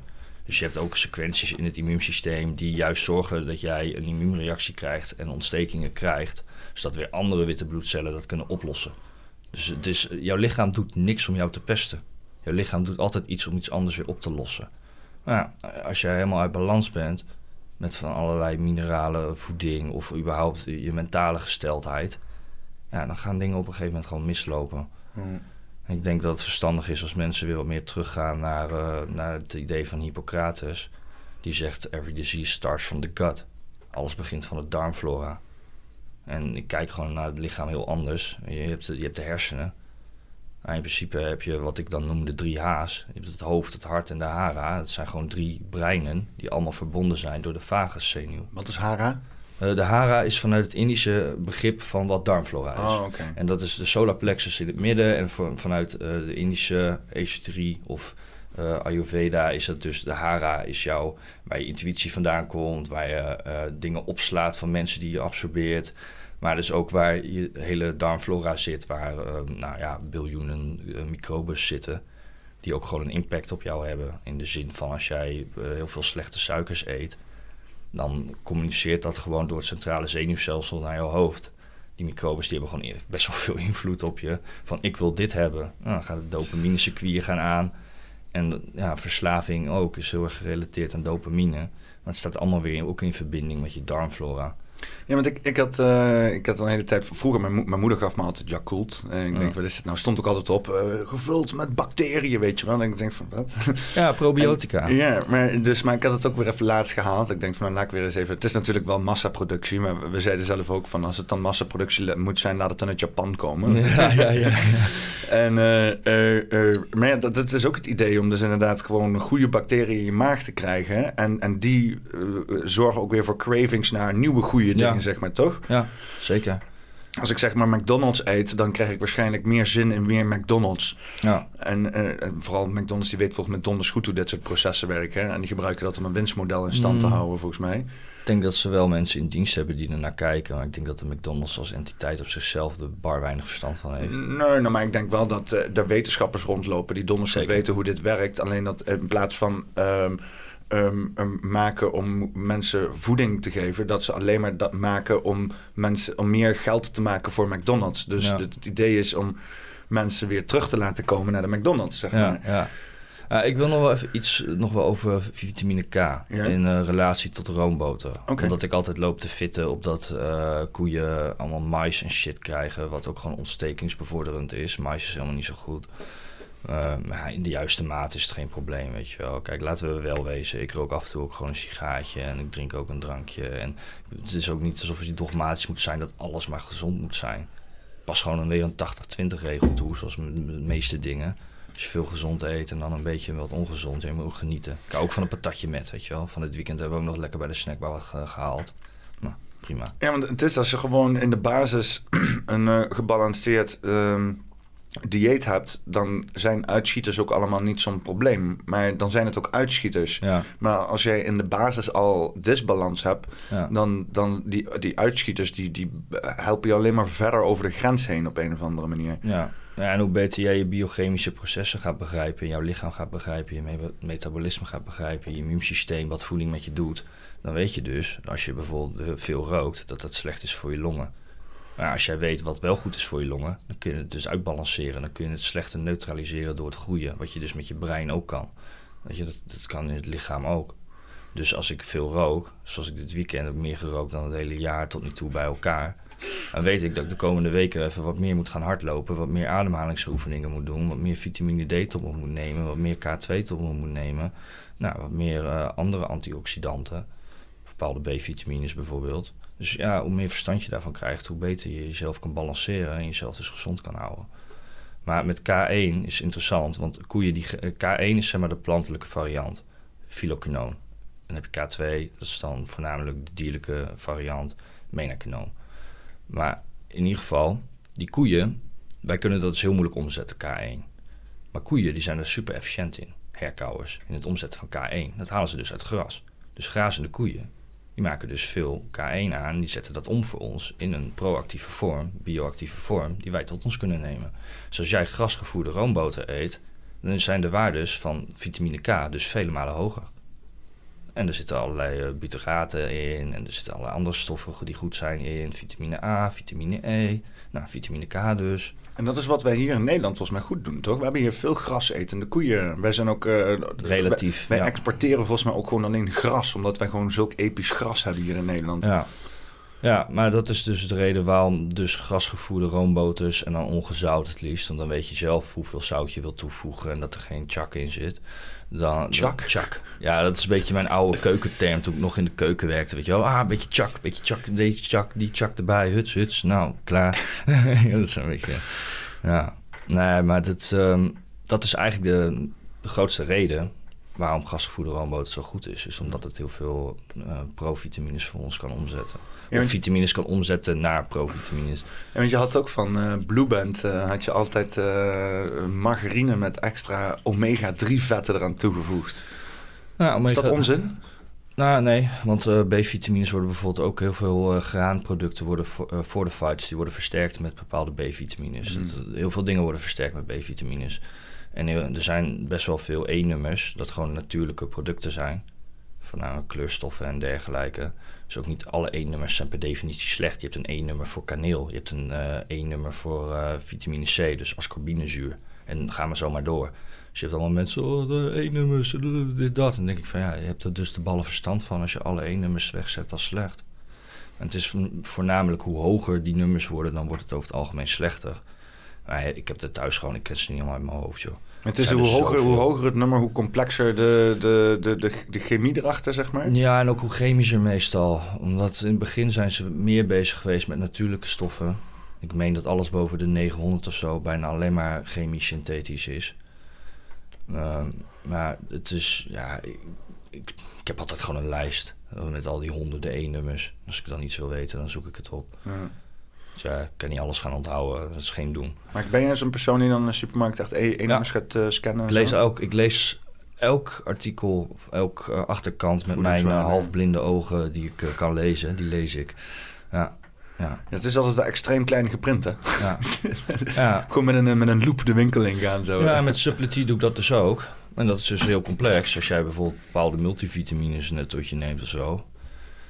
Ja, dan is het maar net de vraag of jij een synthetische vorm hebt die erin zit... of een natuurlijke vorm hebt die erin zit. Dus ja, ik, ik, ik lees alles zoveel mogelijk zoals ik kan. En dan eh, ga ik het een beetje uitzoeken. Want ik weet het ook niet allemaal uit mijn hoofd. Dus voeding is een van de meest complexe dingen die er is. Ja. En eh, ja, ik hou wel van complexiteit. Ik hou me niet voor niets bezig met eh, dingen als eh, NLP en neurologie, immunologie en eh, voeding. Ja, hoe complexer, hoe leuker, weet je wel. Dan ben je nooit uitgeleerd. Dus ja, ik vind dat, ik vind dat wel interessant, man. Ja, Het is die NLP-shit. ja, ja. We hadden, we hadden een nieuwe, toch? Toen we bij de, bij de, bij de tankstation stonden. Het is die democratuur. Oh ja, het Zullen is die Even, democratie. zullen we het even overbrengen naar politiek en eh, de situatie met de, eh, met de banken en zo misschien? Ja, want wij, wij, hebben, wij hebben van het weekend met de smart zitten Wij wachten op de val van eh, de Silicon Valley Bank. Hè? Of nou, ja, die was natuurlijk al gevallen, maar kijken wat, wat is de nasleep daarvan. Ja. Ben je ontevreden? On- nee, ik ben heel blij met elke bank die omvalt. Dus eh, voor mij is het een feestje. Voor mij staat een reden voor een feestje. Welke, welke bank, eh waar waar even kijken of het, hoe het er vandaag naartoe gaat? Is er vandaag nog een bank gevallen? Mm, nee, nou ja, ik, val, ik vraag me nog steeds af of de First Republic Bank nou eh, gered wordt. Of dat die ook naar de Getver gaat. Want die zat natuurlijk op een gegeven moment met een neerwaartse van 70%. Even kijken. Op de beurs dan. Maar Eh, even kijken, die is, ja, die is dus inderdaad eh 13 maart met de opening van de beurs gewoon in één keer, even kijken, 77 naar 26, zo'n 50 punten gedropt. ja, En nu is hij lichtelijk omhoog aan het stijgen inderdaad, ja. mm. ja. Nou ja, beurs zeggen ook niet alles. Maar het is gewoon een indicatie voornamelijk van dat mensen ontevreden zijn en het niet meer vertrouwen. En dat je gewoon ziet dat banken onder druk staan. Dus dat is gewoon altijd leuk om naar te kijken, weet je wel. Ja. TradingView opgezet.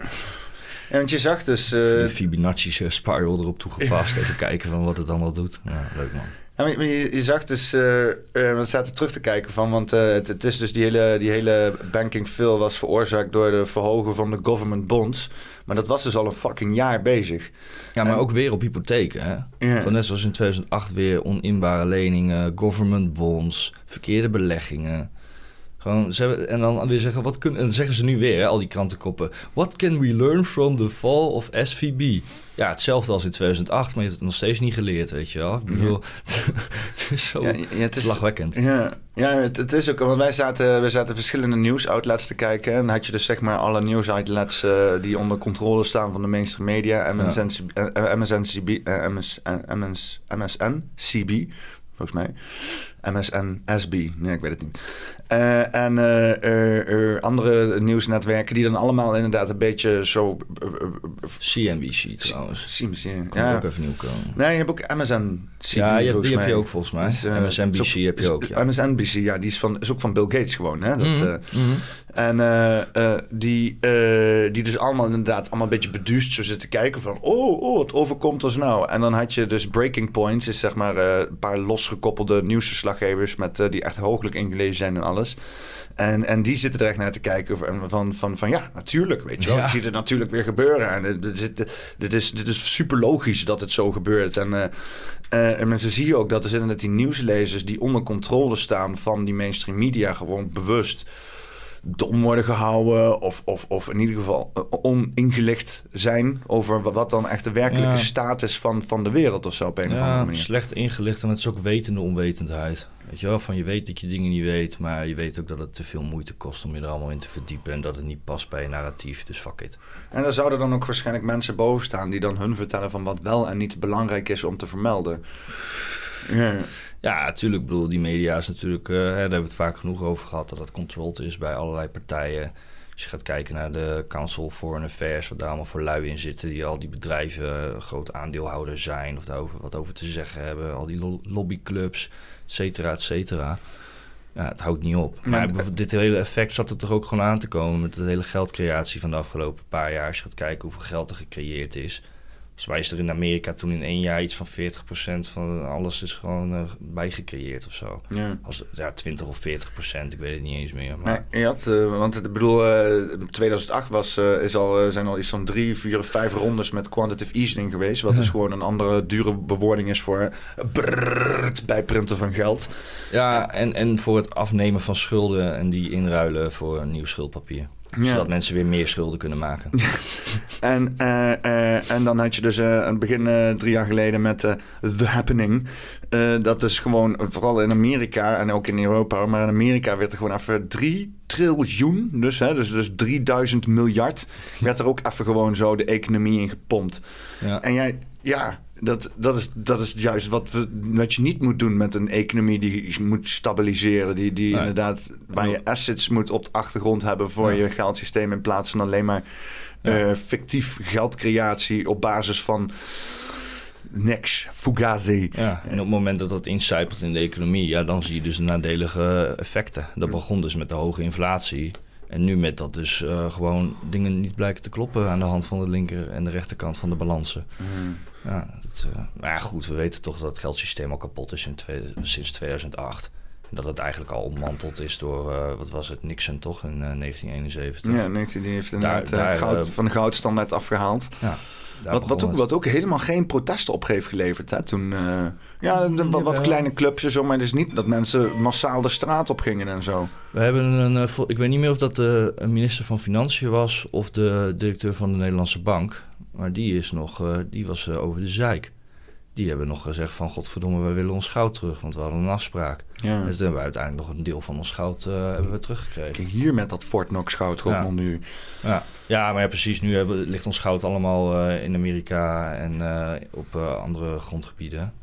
Dus ja, Er was wel de afgelopen vijf jaar volgens mij een zware eh, eh, hoe is dat nou? een recall, zeg maar. En al het goud. Er werd, volgens mij was een periode dat er eh, massaal goud werd versleept over de hele wereld. Omdat Ja. iedereen hun goud terug wilde hebben en een eigen beheer. Ja, weet je waarom dat is?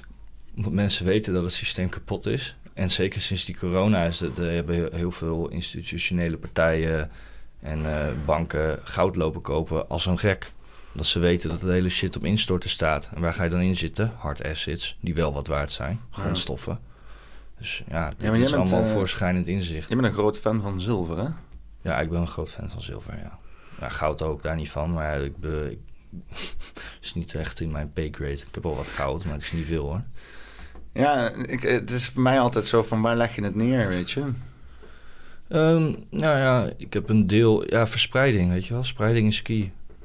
Willem Middelkoop ook vaak zegt. Beetje thuis, beetje bij je oma, een beetje ergens anders. Een beetje in een postvakje ergens of zo. Ja, een beetje in het buitenland, een beetje thuis. Ik heb... ehm, koop gedeeltelijk via Gold Republic dan, zeg maar van Bart Brands. Nou, dan kun je bijvoorbeeld je goud eh, in Zurich zetten. En dan heb jij, ehm, dan is het jouw eigendom. In de zin van, zelfs al gaat die bank of waar het ook ligt, gaat failliet. Dat je het nog steeds gewoon op kan halen. En ze mogen zeg maar niet aan, dat, eh, aan die, aan die eh, edelmetalen komen voor hun eigen... Want normaal met jouw geld gaan ze lopen beleggen en al dat soort Ja. shit. En dat mag dan niet, neem ik aan, hè? Nee, maar het is eh, nog mooier omdat ehm goudconfiscatie is in Nederland wel vaker gebeurd. En in wel meerdere landen, ook door de hele geschiedenis heen. Maar Zwitserland heeft een goede track record als het daarom gaat. Want bij hun is het juridisch ingekaderd dat zij niet aan, jou, eh, aan jouw goud mogen komen. Hmm. Het is niet voor niets dat iedereen zijn shit in eh, Zwitserland neerlegt. Het is niet voor niks dat... vader, eh, of mijn opa, die zat in, in het verzet.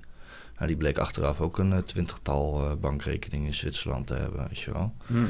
Dus Zwitserland is al honderden jaren, en nou eigenlijk al nog wel veel langer hoor, een soort trade hub geweest tussen Oost en West. Als jij eh, vanuit eh, de Slavische gebieden naar, nou ja, naar Frankrijk en dergelijke ging, wou je niet het risico lopen dat jij beroofd werd. Dus het, eh, Zwitserland is al heel lang een soort, een soort safe space voor, voor handelaars geweest. Dat is ook een van de redenen waarom het zo onafhankelijk en neutraal is. Omdat het daar gewoon belang bij heeft. Het heeft heel veel incentive om gewoon neutraal te zijn. Is, is dat ook gewoon omdat ze hun shit kunnen verdedigen? Mhm. Want ik bedoel, Nederland is letterlijk gewoon... als je ergens van een berg afrolt, kom je Nederland uit, weet je wel. En, van Zwitserland drijf je alleen maar verder af. En in Nederland komt iedereen alleen maar aan. Ja. En, en Zwitserland heeft letterlijk... eh, er zit tussen de bergen. Je kan alleen maar aan twee kanten Zwitserland in. En dat zit helemaal volgebouwd met bunkers. Ja, twee of drie. Ja, ze hebben meer bunkers dan... Zij kunnen volgens mij een tienvoud meer mensen in die bunkers onderhouden... dan dat zij eh, mensen in dat land hebben. en dan heb je nog een degelijke lokale democratie daar. Ja, je hebt met die echt- kantonnen en zo. Ja, want eh, je hebt echt regio's van, oh, daar wonen heel veel Russen, want die willen dingen op een bepaalde manier. En dan heb je een ander gebiedje, daar wonen dan weer veel Joden, want die willen het weer op een bepaalde manier. Dus op zich is dat Zwitsers model is wellicht, want ik geloof sowieso niet dat democratie ooit bestaan heeft, maar wellicht is Zwitserland de enige, het enige voorbeeld van een succesvolle democratie. eh, En dat neemt niet weg dat daar dus ook eh, dingen als WEF zitten en allemaal andere Ja, die- die zitten- organisaties. dat is even een reden die- dus. Ja, die maken gebruik van die neutraliteit en van de veiligheid van dat land. Want je hebt ook de BIS-bank daar zitten, de Bank of Ja. International Settlements. Dat is dus- zeg maar de, de hoofdlocatie van alle eh, eh, eh, na- nationale banken. Alle, alle centrale bankiers, die komen daar samen om dan wereldeconomie te bespreken. Vraag me af of zij dan ook samen zijn gekomen voor dit. Hè, dat ze denken van nou, we gaan eh, even een jaar lang gaan we de government bonds eh, oppompen. Of de rente op de government bonds oppompen. En dan kijken wie er allemaal gaan vallen uiteindelijk. Want zo, zo oogt het voor mij, weet je. Want Ze zijn het net zo lang aan het oppompen totdat er eens een keer iets gebeurt of zo. En Ja. dan nemen ze pas actie van... eh, Nou ja, het is wel een, in ieder geval een onderdeel van hoe het beschreven staat in Operation Lockstep, wat je nu ziet. Dus als je de, de Rockefeller Foundation's Lockstep erop na gaat lezen, dan zie je wel dingen die overeenkomen. En het is natuurlijk heel benefiet hè, voor CBDC. ja. Dus als, mensen steeds eh, ja, wantrouwiger worden in de, het huidige schuldsysteem, dan kun je ze overbrengen naar een nog vreselijker gecontroleerde schuldsysteem. ja, maar mensen die wensen bijna nu om een CBDC. eh. Ja. Want ik, ik weet voor, voor The Happening dat ik ook wel was voor een digitale munt. En ehm, eh, central banken heb ik nooit. eh, ik, ben, ik, ik ben heel erg dan fan van, eh, van die Bitcoin gebeuren. En vooral inderdaad in het protocol, omdat het gewoon inherent decentraal is. Ja. Ook niet perfect, want het kan zich ook cumuleren naar één grote instantie. Maar dan hebben ze in ieder geval niet de macht om het, te, om het zo direct te beïnvloeden zoals nu. Hè? Want je kan natuurlijk altijd beïnvloeden door gewoon allemaal dumps te doen van je geld en in markten te stoppen. En dan kan je ook de boel beïnvloeden als je genoeg monetaire backing hebt, zeg maar. En genoeg eh, geld om, om, om erin te pompen. Mhm. Maar eh, nu kunnen ze gewoon letterlijk met z'n allen afspreken en, en zeggen: nu is het geld zoveel waard. ja. En ze kunnen letterlijk in principe een cijfertje veranderen en dan is je geld voor de helft minder waard. Ze- doen het misschien niet zo banaal, maar het kan wel. Het kan. Ja. Het kan en, zeker. En dat is met zo'n, met zo'n central bank digital currency is het helemaal zo. Dan Ja. is het letterlijk afhankelijk van het cijfertje wat dan de centrale bank hanteert.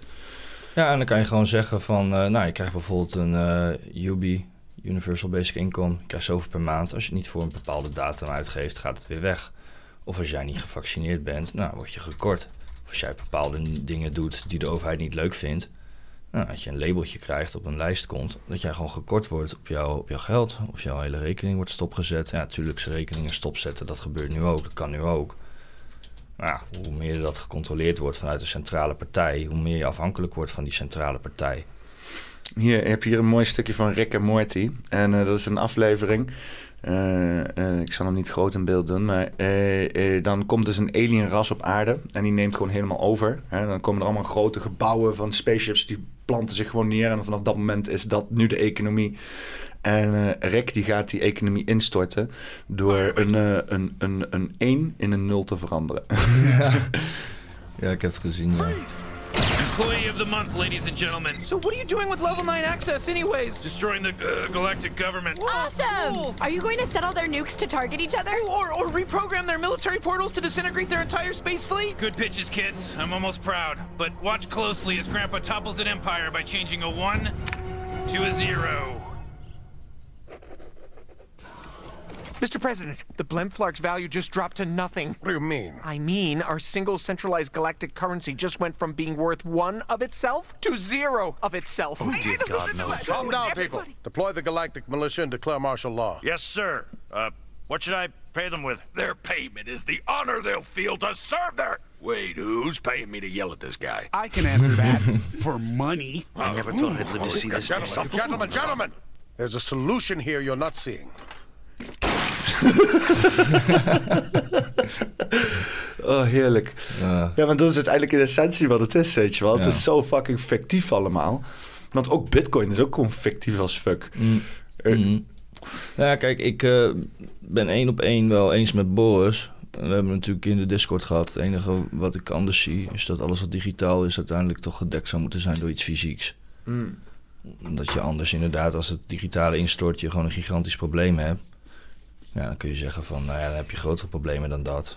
Maar ja, je kan je er ook van tevoren proberen voor in te dekken. Maar ja, ja, zolang er geen waardesysteem is, dan kunnen we het over alles hebben.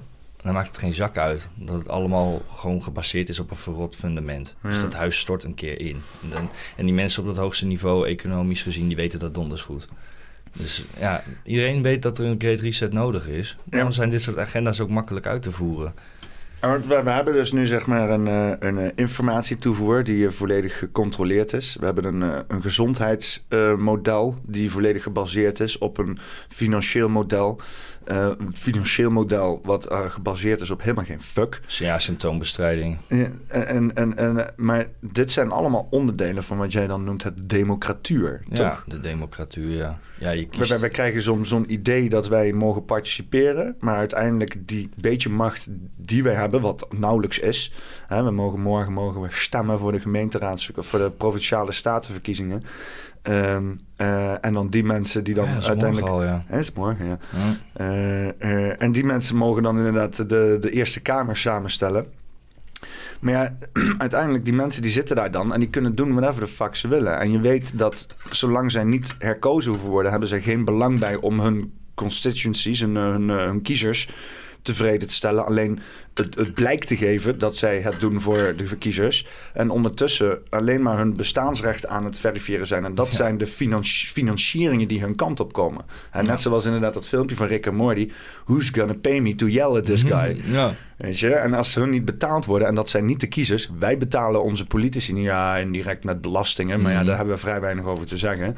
Eh, eh, uiteindelijk, en dat is dan ook niet zo heel veel, want als je ziet dat dan bijvoorbeeld bedrijven, lobbyisten, gewoon miljoenen op tafel leggen om dan te storten in allerlei fondsen, waar dan die mensen die dan daar in die kamer zitten weer gebruik van kunnen maken of in kunnen zetten om zieltjes te winnen die vervolgens hun weer in de toekomst zullen zorgen dat zij Mhm. eh, een, een levenszekerheid hebben, bij wijze van spreken Ja. dan hebben ze ook helemaal geen incentive, zowel Eerste Kamer als Tweede Kamer niet, om ook maar enige verantwoording te hebben naar hun kiezers. Alleen maar de schijn van verantwoording. Dus je Ja. krijgt, en dat zie je heel mooi met, eh, met, met VVD, dat, dat schijnt het beste door. Daarom vind ik het ook zo raar dat mensen dat niet zien, weet je.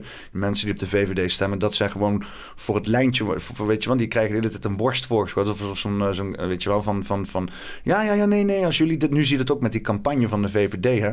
Eh, Ja, dat is eh, schandelijk, ik, toch? ik hoorde gisteren dat iemand zei van... ze hebben zo'n campagne dat ze dan wat boeren, eh, wat, wat koeien laten zien. En dan zeggen ze van... "D- dit is toch echt mooi stem op de VVD. Dat ik denk van... Huh, maar jullie willen toch van, die, van al die koeien af? Je hebt zeg maar zo'n bord die ik zag... eh, met eh, eh, blauwe envelop in de brievenbus. En dan stond erboven... eh, elk werken moet nee, hard werken moet lonen. Weet je wel? Implicerend dat dus al die blauwe brieven... die loning niet werkt. Ook refererend naar de toeslagenschandalen. En dat ik denk... Ja, dat is gekomen door de VVD. En hun gebruiken dat nu als hun campagne. Mooi hè, En hoe, ze dat, en, hoe ze dat En, inprogrammeren en, bij en, en nog één, en nog één. Je hebt dus inderdaad, die wil ik er eigenlijk wel even bij pakken. Echt, Want ik had die op, op Twitter gedeeld. En eh, die is echt gewoon misselijkmakend. Want de VVD heeft er natuurlijk eh, single-handedly voor gezorgd... Dat, eh, dat de verdeeldheid in ons land nog nooit zo groot is. Hè? Vooral eh, zo'n Mark Rutte en zo. Ja. eh, en, en al hun, al zijn goons. Die, die, die maken gewoon ja, een puinhoop van... Oh, oh, jezus, excuses hiervoor. Die maken gewoon een puinhoop van, van de hegemonie in het land, de harmonie. En zij kapitaliseren daar weer op voor, op die hoeveelheid verdeeldheid die daar is, om dan vervolgens een oplossing te bieden voor een probleem dat hun gecreëerd hebben. Ja, action, reac- reaction, solution. Ja, weet je maar dan komen ze, Dat, dan hebben ze dus de arrogantie om dan met dit soort campagne dingen te komen. Ik zit hier vast. Ik zit hier vast in een live programma.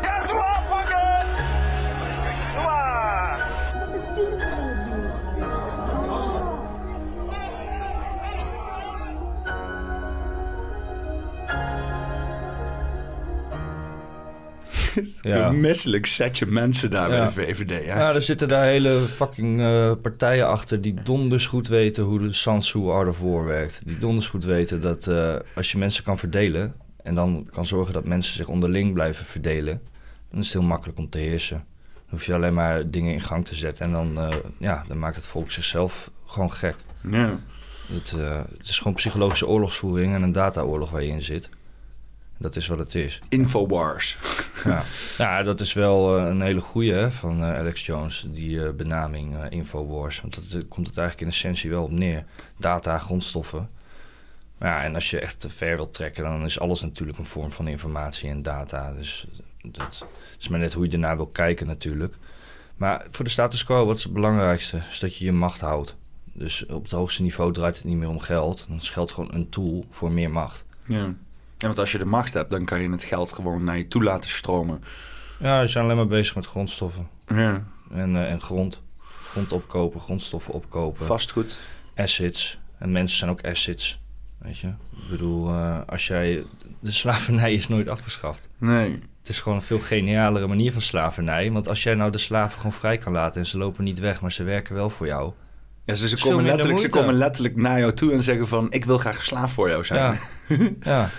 En maar betalen. Ja, ja, want wij, wij spelen dan eh, de afgelopen tijd hebben we met, eh met Seth Lucas eh, en ook met de mensen in de Discord hebben we, hebben we Age of Empires gespeeld. Ja. En daar was ook gewoon het eerste wat belangrijk is in Age of Empires, dat zijn je villagers. Ja. Dus letterlijk zonder villagers kan jij, kan je geen nieuwe troepen meer maken. Heb je geen economie die in stand houdt. Wat je moet hebben is een substantiële groep villagers die gewoon werken. En wat het meest irritante is, is zijn idle villagers. Ja, villagers die, die niks niks doen.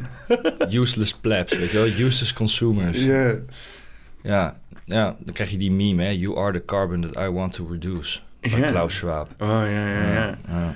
Ja, maar het is, het is natuurlijk eh, heel hard om te horen. Maar het is wel de realiteit. En als, je, als jij los zou koppelen van al die gigantische entiteiten... en teruggaat naar een eh, bijvoorbeeld eh, eh, lokaal systeem... Hè, dus wat meer in, in kleine groepjes die dan communities onthouden... dan heb je ook niks aan useless eaters. Nee. Dan heb je ook niet niks aan iemand die niks bijdraagt... en alleen maar loopt te consumeren... en het liefst ook nog eens een keer mensen loopt te ontzien van al hun zaken, weet je. Ja, de waarheid is heel hard voor de mensen die niet vanuit meerdere perspectieven kunnen denken. En die gewoon een hele grote blinde vlek hebben, weet je wel. En, en ja, ik kan er heel mooi semantisch iets van maken dat het een combinatie is van vier dingen. Dat is wetende onwetendheid, onwetende wetendheid, wetende wetendheid en onwetende onwetendheid. En die combinatie zorgt ervoor hoe mensen dingen oppakken. Hadden de Grieken vroeger een goede democratie? De grondleggers? Want die kwamen dan samen, alle mannen notabene, alle officiële inwoners van Athene, dus niet de slaven en al dat soort zaken. De mensen die hè, stakes hadden in de, de, de, de maatschappij, hè, die inderdaad assets hadden of bijdroegen en dat soort zaken. En die, konden dan, die kwamen dan samen en die legden allemaal een zwart of een wit steentje neer om dus hun stem te uiten. Ja, eh, ik ben niet van mening dat het een bottom-up directe democratie is. En het was natuurlijk wel in een bepaalde mate gecentraliseerd. Maar het is vele malen beter dan wat we nu hebben. Ja. Ik bedoel, eh, daar hadden mensen wel degelijk meer invloed. Omdat inderdaad had je communes. En dan eh, kozen die mensen iemand van de commune. En die ging dan naar die senaat toe. Dus je had daar wel meer invloed. Zover ik begrijp. Maar ja, in Griekenland heb je ook meerdere bestuursvormen gehad. Dus het is ook. eh, maar ja, kijk, uiteindelijk zijn daar ook gewoon mensen die hun wil drukken op andere mensen hun wil. Dat is niet hoe ik, eh, hoe ik denk dat eh, wat goed is voor de mens. Want wat is democratie als rechtmatig bestuurssysteem überhaupt haalbaar, volgens jou? Nou ja, je kan decentrale directe democratie doen, wat, wat wij willen. En, Weet je ook eh, dat, dat, dat Zwitserse model dan, hè? Ja, nou, ja, het, is, het gaat verder dan het Zwitserse model. Maar in mijn ogen is dat wat eh, de essentie van anarchie is en van wat natural law is. En dat is hoe meer moraliteit je hebt, hoe meer vrij je bent. En hoe meer immoreel je bent, hoe meer slaafs je bent. En uiteindelijk is het gewoon die combinatie van mensen die moreel zijn. Moreel zijn is op zichzelf al niet makkelijk. Maar de mensen die moreel zijn, die worden altijd genaaid door de mensen die immoreel zijn. En de acceptatie daarvan is nog veel moeilijker dan het moreel zijn op zich. Zeg maar, mensen willen moreel zijn tot een bepaald punt waarop het hun niet te veel pijn doet of te veel schade aandoet. Maar ja, uiteindelijk als je uit een bepaalde moraliteit wil leven, dan, ja, dan weet je gewoon dat in de huidige maatschappij dat, dat je gewoon verneukt gaat worden. Ja, maar het- dat het je jezelf op een andere manier moet gaan groeperen. Ja, maar Het zou gewoon een soort van cultuurnorm moeten zijn dat hoogst haalbare moraliteit, dat dat de, de ultieme deugdelijkheid is. Ja. Want, want in, in principe, dat zie je nu ook met die hele deugdcultuur, het, het, mensen willen graag deugen, mensen willen graag Ja. kunnen zeggen van ja, ik ben goed bezig. Hè? Dan kan je jezelf in de spiegel aankijken Ja. en slapen. In ieder geval grotendeels van de mensen. Je hebt ook al natuurlijk een stukje sociopaten, psychopaten ertussen lopen. Ja. Maar ik, ik geloof is nog een altijd kleine dat- minderheid hoor. ja, daarom. Ik geloof altijd dat het een kleine fractie is. En ook heel veel mensen, want zelfs psychopaten, die willen ook gewoon geliefd worden in hun omgeving. Die hebben ook een bepaalde emotionele bevestiging nodig. Of Ja. dan, dan misschien niet op een manier zoals wij het willen, maar die willen dan in ieder geval gezien worden, gewaardeerd worden. Ook psychopaten kunnen alleen zijn. Hè? En, zeker. Ja, en, eh, en vroeger had je dus ook gewoon een hele duidelijke rol voor psychopaten. Want die trok je uit de kast als er shit aan de knikker, stront aan de knikker was. En dan stuurden ze het slagveld in. En die hadden geen probleem om allerlei eh, ethische kwesties aan de kant te zetten. Ja. Om vervolgens gewoon het, het, het, het doel eh, te behalen wat voor die gemeenschap nodig was. Ja. En in zekere zin doen we dat nu ook. Alleen ons doel het, het draait alleen maar om geld. Dus je ziet dat Mhm. al die psychopaten in de financiën zitten. En eh, in de hogere echelons van de politiek en zo. En, en die, dat zijn dan de mensen die, ja, die ons leiden. En dat is een beetje waar het fout is. We laten ons nu leiden door fucking psychopaten. Ja. En, en dat, dat, dat, dat trekt de hele zooi uit, eh, uit verband. Ja, we hebben zwakke leiders. En dat is, eh, nou ja, ook omdat mensen die wel moreel zijn, gewoon vaak denken van fuck it, ik wil niet, bij, ik wil niet meewerken aan dit slavensysteem, aan dit schuldsysteem. Dus dan doe ik er niet aan mee. Nou dan krijg je uiteindelijk dat de mensen die wel bereid zijn om een hele ethiek en moraliteit aan de kant te zetten, ja, die gaan dan touwtjes in handen krijgen. Uiteindelijk heb je ook maar een minderheid nodig om de meerderheid over te halen. Want meer dan de helft, dat zijn gewoon volgers. Dus als jij gewoon een goede visie hebt en je hebt in een gegeven moment een, eh, een groot genoeg groep, dan slaat het in één keer om. Maar dat zie je ook altijd. Was zo'n percentage toch of zo? Iets van, eh, Ja. je, hebt, je hebt iets van, eh, wat is het, 15% nodig en dan kan de hele zooi omslaan of zo? Ja, ik hou altijd gewoon de 80-20 regel aan. Ah. Dat dat gewoon eh, makkelijk toepasbaar is. Maar ja, je hebt ook de, de theorie van 20% is leider, 90% is volger. En dan heb je daarin heb je dan nog allemaal gradaties. 10% en, is leider dan. Dan zou je ja. 10% over. Ja. Maar ja, kijk, uiteindelijk is dat ook van wat je weet, wat je kent, hoe je opgeleid bent. Want eh, als mensen vanuit baseline hele andere dingen geleerd zou worden, dan zouden ze ook heel anders kijken naar de wereld en naar zichzelf. Dus het is ook gewoon altijd, begint, begint altijd bij informatie en educatie. Ja. ja, maar dat is het ook. Hè. Ons scholensysteem is ook hooglijk gekaapt. Alles wat wij eh, met, met, met eh, in ieder geval zoals ik, mijn, eh, mijn, mijn educatie, mijn, mijn opleidingen en ook de, de basisschool heb ervaren, dat was voornamelijk. ehm, het had sowieso niks te maken met persoonlijke ontwikkeling. En je krijgt ook niet. Want ook, ik, dat, ik zit er nog steeds om te, om te, om te, te. Grappig, iemand deelde gisteren een plaatje eh, in de Discord. En daar stond eh, in van. eh, oh, ik verveelde me. Dus ik wou even economie. me gaan verdiepen in de economie. Dus ik ging naar worldeconomicforum.com of uh, eh, om dus te leren over economie. En het enige wat hij tegenkwam was filmpjes van eh, Klaus Schwab, die vertelt over transhumanisme. En Bill Gates, die vertelt over eh, insecten eten en allerlei rare onderwerpen. En hij, aan het eind zei hij van, deze mensen hebben helemaal, die praten nooit over economie. Waarom heb je een, een forum dat je noemt World Economic Forum als er nooit eens een keer over economie werd gepraat? En ditzelfde heb ik ook ervaren in het vak economie. Hè? Ik, ik, kreeg, ik heb bij economie nooit geleerd over geldcreatie nooit geleerd over waarde en over eh, de speculatieve markt en hoe zeg maar onze bepaalde systeem erin zit. Het enige wat ik kreeg te leren is over verzekeringspolissen uitrekenen en, en, en al dat soort onzin. Weet je, een beetje van die stomme rekensommetjes om vooral je, je plebszaken goed te regelen. Hè? Maar, maar om echt eh, boven eh, die, dat hele onderdrukkende financiële systeem uit te komen, of in ieder geval daarin te kunnen floreren, dat leerde je niet in economie. Dus, dus dat, dat werd je ontzien zelfs. Nou, het draait er gewoon om dat jij een plekje meeneemt in die machine van de maatschappij. Dat je daar gewoon in meedraait. Hmm. Daar draait het om. Hmm. Ja, en dan de rest van de school ook. Hè. De Geschiedenis krijg je geleerd. Zoals geschiedenis geschreven staat. In plaats van dat je ook eh, getriggerd wordt om alternatieve zaken te bespreken en dat soort zaken.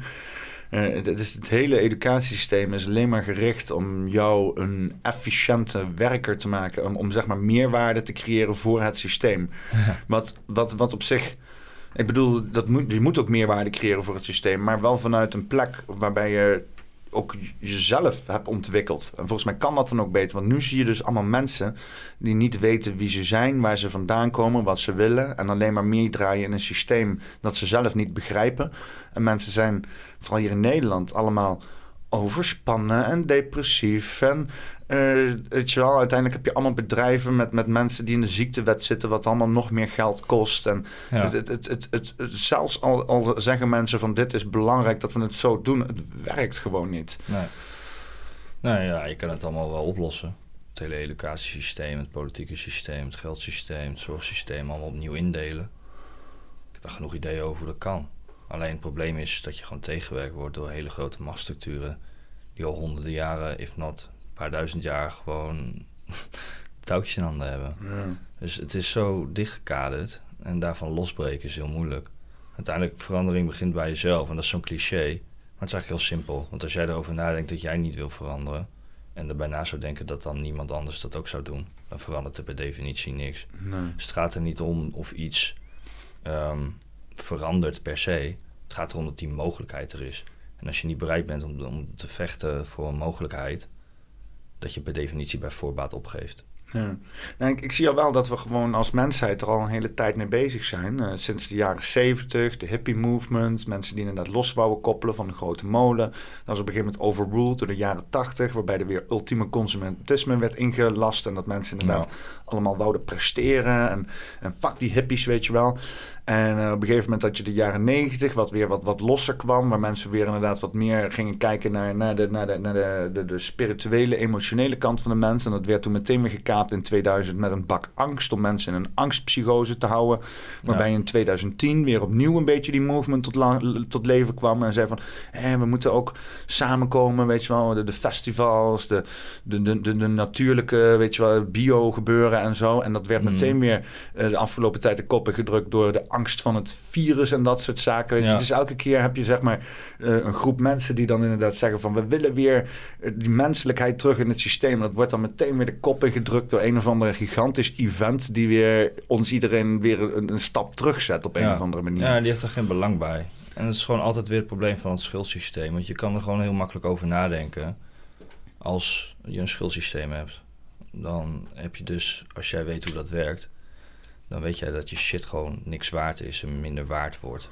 Dus dan wil je alleen maar meer en meer en meer. En dan handel je altijd op een basis van wantrouwen naar anderen en op basis van gierigheid en een bepaald ego.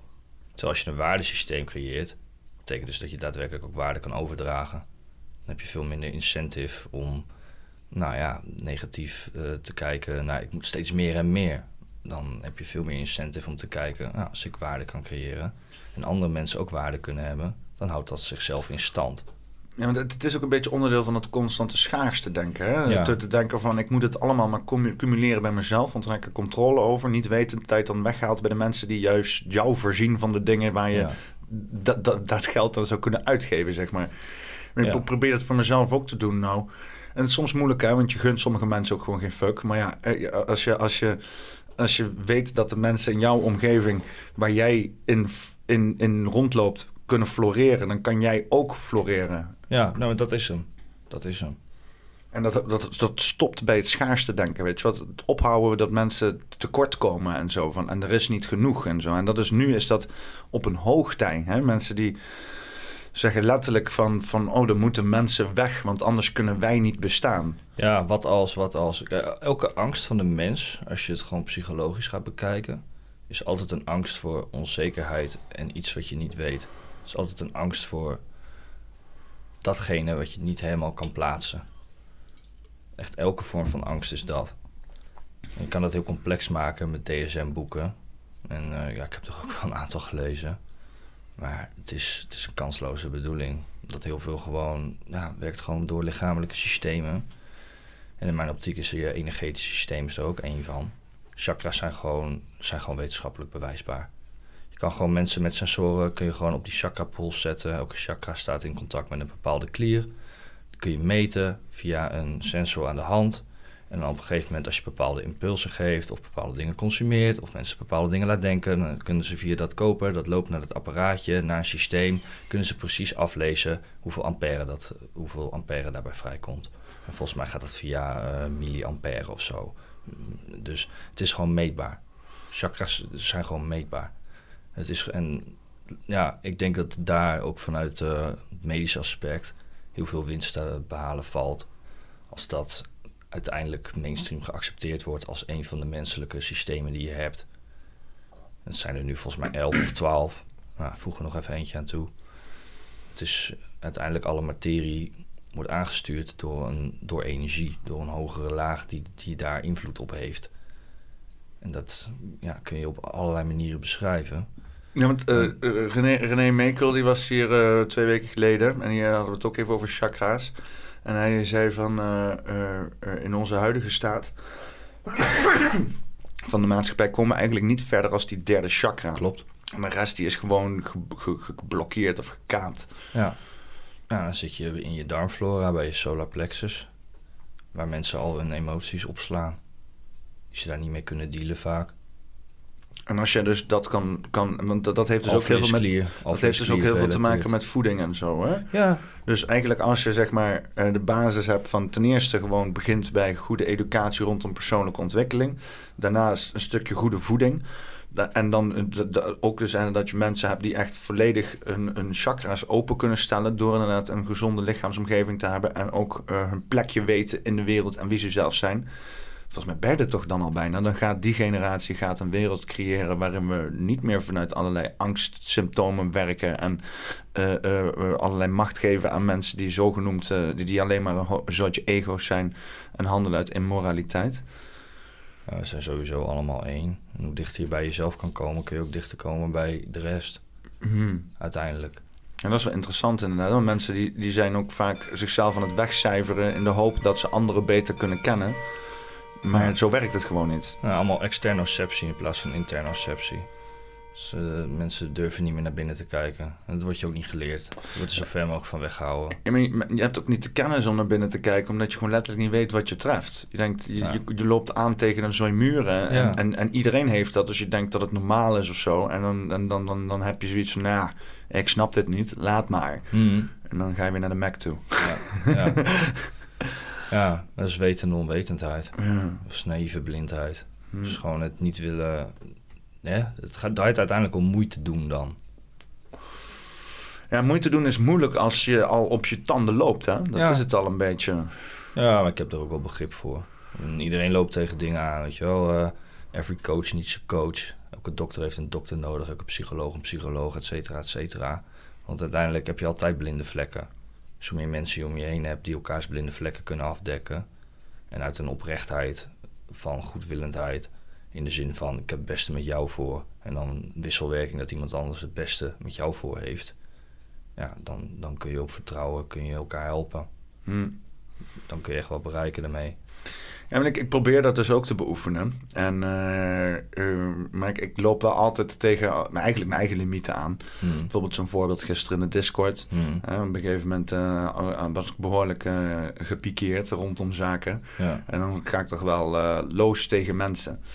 En, maar ik, ik heb dat altijd. En ik zeg dat ook. Want ik, heb, ik ben altijd het, het hardst voor de mensen waar, waar ik het meest van hou, zeg maar. Waar ik het meest mee... Want als, als, als jij me geen reet interesseert dan interesseert je me echt. En weet je, dan ga ik je ook niet... Ga je ook geen energie in stoppen. Nee, dan ga ik er niet bezig. Dat interesseert me gewoon niet. Dan besta je niet en dan laat je links liggen. Maar op het moment dat ik tegen je sta te schreeuwen... Dan, dan betekent dat ik eigenlijk heel erg van hou. Ik zie potentie, weet je wel. Ik zie eh, iets... Ik, ik had het anders willen zien. Ja. Eh, en dat is dan eigenlijk een beperking in mij. En daar word ik ongeduldig van en, en dat soort zaken. Ja. Maar heel veel mensen die vatten dat dan ook af. Van, van oh nee, hij heeft een hekel aan me. Ja, dat, dat is helemaal niet zo. Ja, het kan ook een teleurstelling van verwachting zijn. Ja, dat ik heb ook altijd veel te hoge verwachtingen voor dingen. Dus, eh, Ja. eh, maar dat is, eh verwachtingenmanagement is ook wel een hoog, hoog. Ik doe dat ook zeg maar met de events die ik organiseer. En ik zeg gewoon, hou je verwachtingen zo laag mogelijk. Dat is de enige... valt het altijd mee. Ja, maar dan is ook de, en- want dan is het enige wijze dat je je verwachtingen kan overstijgen als je er geen had. Ja. Want als jij veel te hoge verwachtingen gaat zetten op iets, dan is het ook heel moeilijk om daar bovenuit te komen. Helemaal als je dat meerdere keren gaat doen. Op een gegeven moment zit je gewoon tegen een max aan. Ja. Nou kijk, waar jij dan tegenaan loopt is hoe je het in LP noem je dat dan kaderen. Is eh, hoe je omgaat met emoties. Dus in de plaats van de meeste mensen die voelen een emotie, die zitten gewoon in een autonome zenuwstelsel, die zitten gewoon in een autonome systeem. Dus die zijn gewoon gelijk reactief.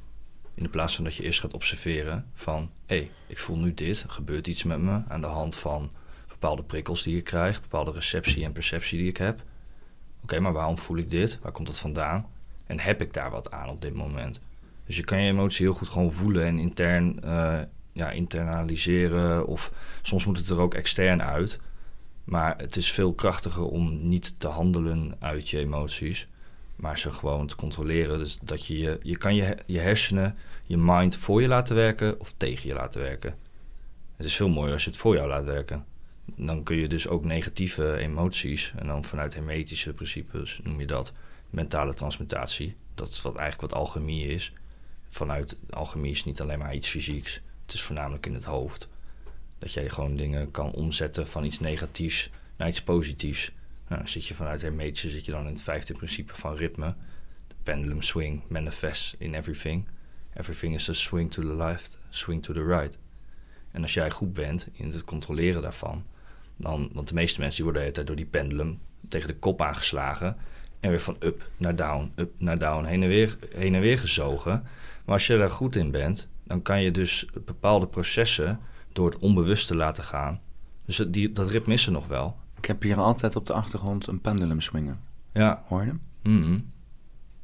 Tik, tik, tik, tik. Ja. Ik heb ook het idee dat het extra hypnotisch werkt voor zij die aan het luisteren zijn. Nou ja, het, is, het wordt gebruikt bij hypnose, hè? ja. Eh, en kijk, eh, het, is ook dat idee dat die pendulum swingt is nodig om ehm, dynamiek te krijgen. Ja. Hè? Want als de pendulum stilstaat, dan loopt tijd niet. Dan, Ja. dan gebeurt er niks. Ja, dan zit je in het derde principe van vibratie. Alles vibreert, niks staat stil, alles beweegt. Zelfs deze tafel vibreert. Weet je wel? is een deur. Ja, alles, alles, heeft, een, alles heeft een bepaalde vibratie. Dus dat, die gaan met elkaar hand in hand. Nou, dan heb je gelijk alweer correspondentie. Dus dan heb je alweer het tweede principe. Maar dat, ehm, het ritme is inderdaad gewoon essentieel. Je bent een deel van wat alles is. Dus mensen die alleen maar denken, ik ben goed, ik ben goed, ik ben goed. Dan heb je een grote kans dat als er een keer iets ge- gebeurt waarin jij niet goed kan handelen... of op een bepaalde manier kan denken wat jij belangrijk vindt... of eh, wat jij acht als wat goed is, want het is heel subjectief... dat je er niet mee kan omgaan. Hmm. Je bent gewoon een deel van wat alles is. En als jij dat kan internaliseren en op een bepaalde manier mee om kan gaan en kan plaatsen, dan kun je dus daadwerkelijk je mind sturen. Dan kun je gewoon controle hebben over jouw systemen. Al jouw lichamelijke systemen kun je controleren tot een bepaalde graad. En sommige mensen zijn daar beter in dan anderen. Maar het is gewoon iets wat je kan leren. Maar het wordt niet geleerd. Ja, in de occulte esoterische kennis, want het is de hele basis. Weet je, dat hele hermetische is, is de basis van natural law en de basis van dat wat wij allemaal met z'n allen aan het doen zijn. Niet alleen als mensheid. Dat is het mooie. Wetten zouden niet door mensen gemaakt moeten zijn. Want ze zijn er al. Die universele, morele wet. Nou ja, golden laws. Maakt niet uit hoe je het noemt. Maar natural law is gewoon een ding. Zelfs al zouden mensen er niet zijn. Dan gel- gelden die zeven principes nog steeds. En de hele constitutie van Amerika was ooit gebaseerd daarop. En onze grondwet was ooit gebaseerd daarop. Ja, want eh, de, de, de constitutie van Amerika is gebaseerd op het verdrag van verlating, hè? Ja, maar het is de, de founding fathers eh, vanuit de vrijmetselarij is hermetische principes zijn, zijn er ook de gouden standaard. En daar is het allemaal op gebaseerd, in essentie. Om, om natural law. Om gewoon uit moraliteit en uit de universele wetten te kijken van wat er gewoon gebeurt en hoe je dat kan toepassen. Kijk, en dat is bijvoorbeeld wat. ehm, God, hoe heet die gozer Mark nou? Ja, dankjewel. Mark Ja, ik- heb, het, ik heb eh, het hier ook met de Glenn Tram over gehad eh, uit Curaçao. eh, toen die natuurwetten. Ja. En het kwam neer op niet stelen. Niet stelen. Dat is, dat is de, en je kent het overal. Steel iemands vrijheid niet. Steel iemands bezitten niet. Steel iemands gemoedstoestand niet. Steel iemands leven niet. Als je niet steelt, dan ben je... dan, ben je moreel. Ja. Dan krijg je vrijheid. Ja. Ja. Ja, nee, dat, Het is heel simpel. Het is fucking simpel. En dan zitten wij met een fucking wetboek van strafrecht... waar je fucking studies voor moet houden van Ja. zeven, zes jaar, zes jaar lang. En mensen die een tijdje moeilijk zitten te doen met uitzonderingen... met duizenden uitzonderingen op de, op de grondwet. Hè, om, eh, want ik- ik zie in- in- inmiddels... Ik heb het er met Sven Hulleman over gehad... Of die heeft mij daar toen een beetje inzicht in gegeven. En ik heb erover nagedacht. En het is eigenlijk is het wetboek van strafrecht niks anders dan een soortje uitzonderingen op de grondwet. Ja. Allemaal excuses om niet naar gewoon de grondwet te kijken. Allemaal excuses om niet gewoon te voldoen aan de natuur. Ja. ja. Het wordt allemaal gekaapt. Nou, ja, dan kom je weer terug bij het schuldsysteem. Mensen die zijn gierig. Die willen zich indekken voor allerlei angsten, voor onzekerheid. En ja, als je een waardesysteem creëert, is een van de oplossingen. En Ja, educatie Want is een van de oplossingen. eigenlijk is dat wetboek van strafrecht ter compensatie van de onwetendheid van bepaalde rechters of zo. Ja. ja, en ook niet alleen van rechters, maar gewoon van mensen in het algemeen, denk ik.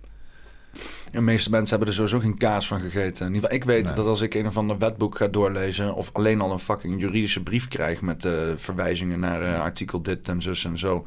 ja, ik word er allergisch van, joh. Ik denk, wat is dit voor eh, onnodig complexe shit allemaal? Ja, het is gewoon papieren werkelijkheid. Het is gewoon een tool van de democratuur om mensen gewoon vast te laten houden aan de dingen die geschreven zijn. We doen het altijd al zo.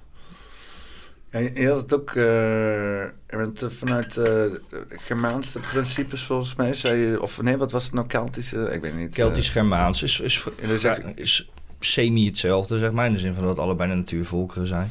maar, maar die schreven niks op, toch? Nee, heel weinig. De Kelten hadden sowieso de filosofie van het niet opschrijven. De Germanen hebben het nog enigszins gedaan, maar ook... En dat zie je wel vaker bij natuurvolkeren, dat ze gewoon weinig opschrijven. Omdat woorden zijn spreuken. En ehm, in principe is elk woord wat je spreekt een vorm van manipulatie. En manipulatie is niet goed en niet slecht. Het is gewoon altijd, het draait om de intentie die iemand aan geeft. En de receptie en de perceptie die iemand daar weer op heeft. En de perspectieven die die daar dan weer aan de hand van vormt. Weet je wel? Dus we zijn de hele dag bezig elkaar te manipuleren. Het kan ook op een goede manier zijn. En woorden hebben pas betekenis als jij er een betekenis aan geeft. Dus je kan iets lezen binnen een bepaalde tijdsgeest. In een andere tijdsgeest kun je het heel anders opvatten. Zie je ook met de Bijbel. Zie je ook met Ro Ro Roald Dahl. Ja.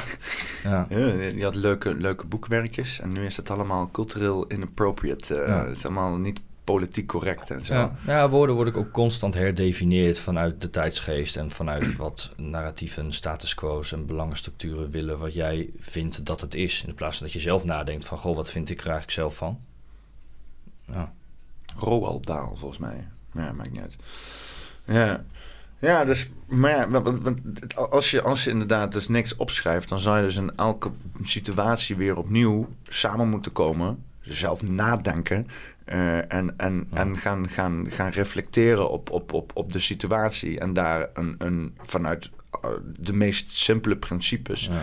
een, een beslissing neemt over hoe recht gezegevierd moet worden, zeg maar. Want we hadden hier bijvoorbeeld ook gisteren een discussie in de Discord, waarbij als je het hebt over recht, recht behalen, dat er in eerste instantie niet gedacht wordt aan hoe mensen de juiste beslissingen kunnen nemen, Mhm. maar voornamelijk hoe het gehandhaafd kan worden als het fout gaat. Maar wat zijn rechten voor jou? Ja, de dingen die je eigenlijk zou moeten krijgen als je geboren wordt. Hè, bestaansrecht Mhm. om te zijn en, eh, en, en dat te kunnen doen om eh, ouder te worden. Ja, ja want dit is eigenlijk waarom ik Mark Passio wel aanhalen nog. Dat, eh, dat was eigenlijk de eerste, de eerste reden daarvoor. Is omdat hij heel mooi beschrijft vanuit het occulte, esoterische, wat ik dus ook zwaar aanhang en mee bezig ben, is dat rechten in essentie daden zijn die geen schade berokkenen bij anderen.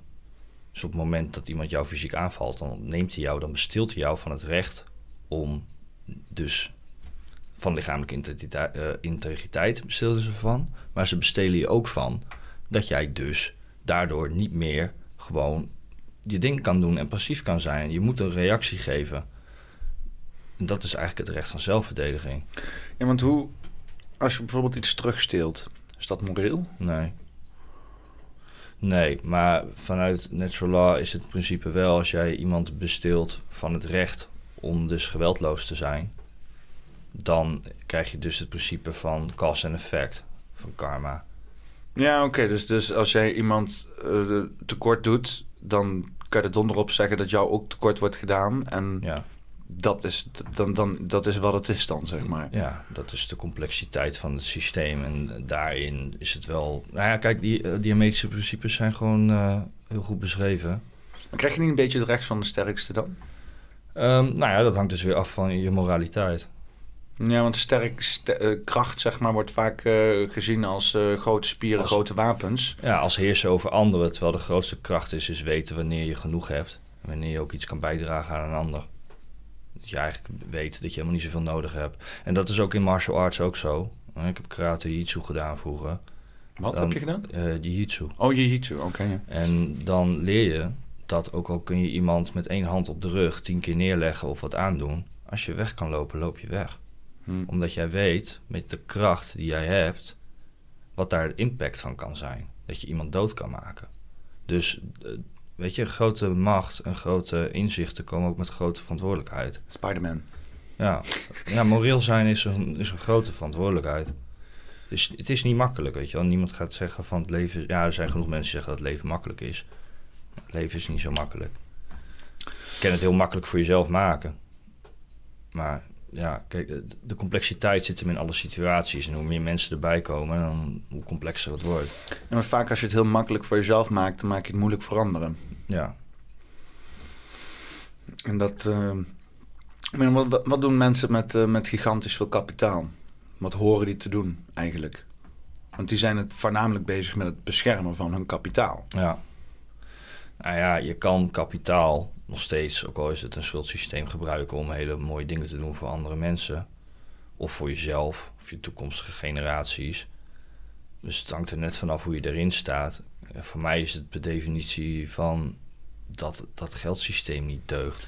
En dus als jij er zo hoog in zit dat jij begrijpt hoe dat in elkaar zit, ja, dan zou het mooi zijn als jij bereid bent om je daarvoor in te zetten. Ja, zoals ik, want er zijn gewoon natuurlijk op dat niveau hè, de, de miljardairs van de wereld die als argument aanhouden van als ik het niet doe, doet een ander het. En ja. ook een beetje van als ik niet de middelen heb om goed te doen wat, wat volgens dan die persoon goed is, dan kunnen zij overruled worden door iemand anders die dan slechte intenties hebben. Bijvoorbeeld nu die hele race tussen het westen en, het oosten, dus tussen Amerika en China.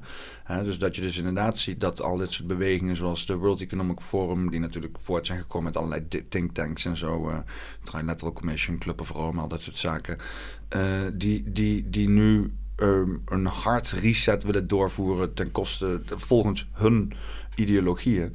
Maar dat wordt dan gedaan uh, omdat het Westen onder aanval staat van China. Ze zeggen van als straks China de werelddominante is, dan kan je er donder op tegen zeggen dat wij allemaal in een minder vrije wereld komen te leven.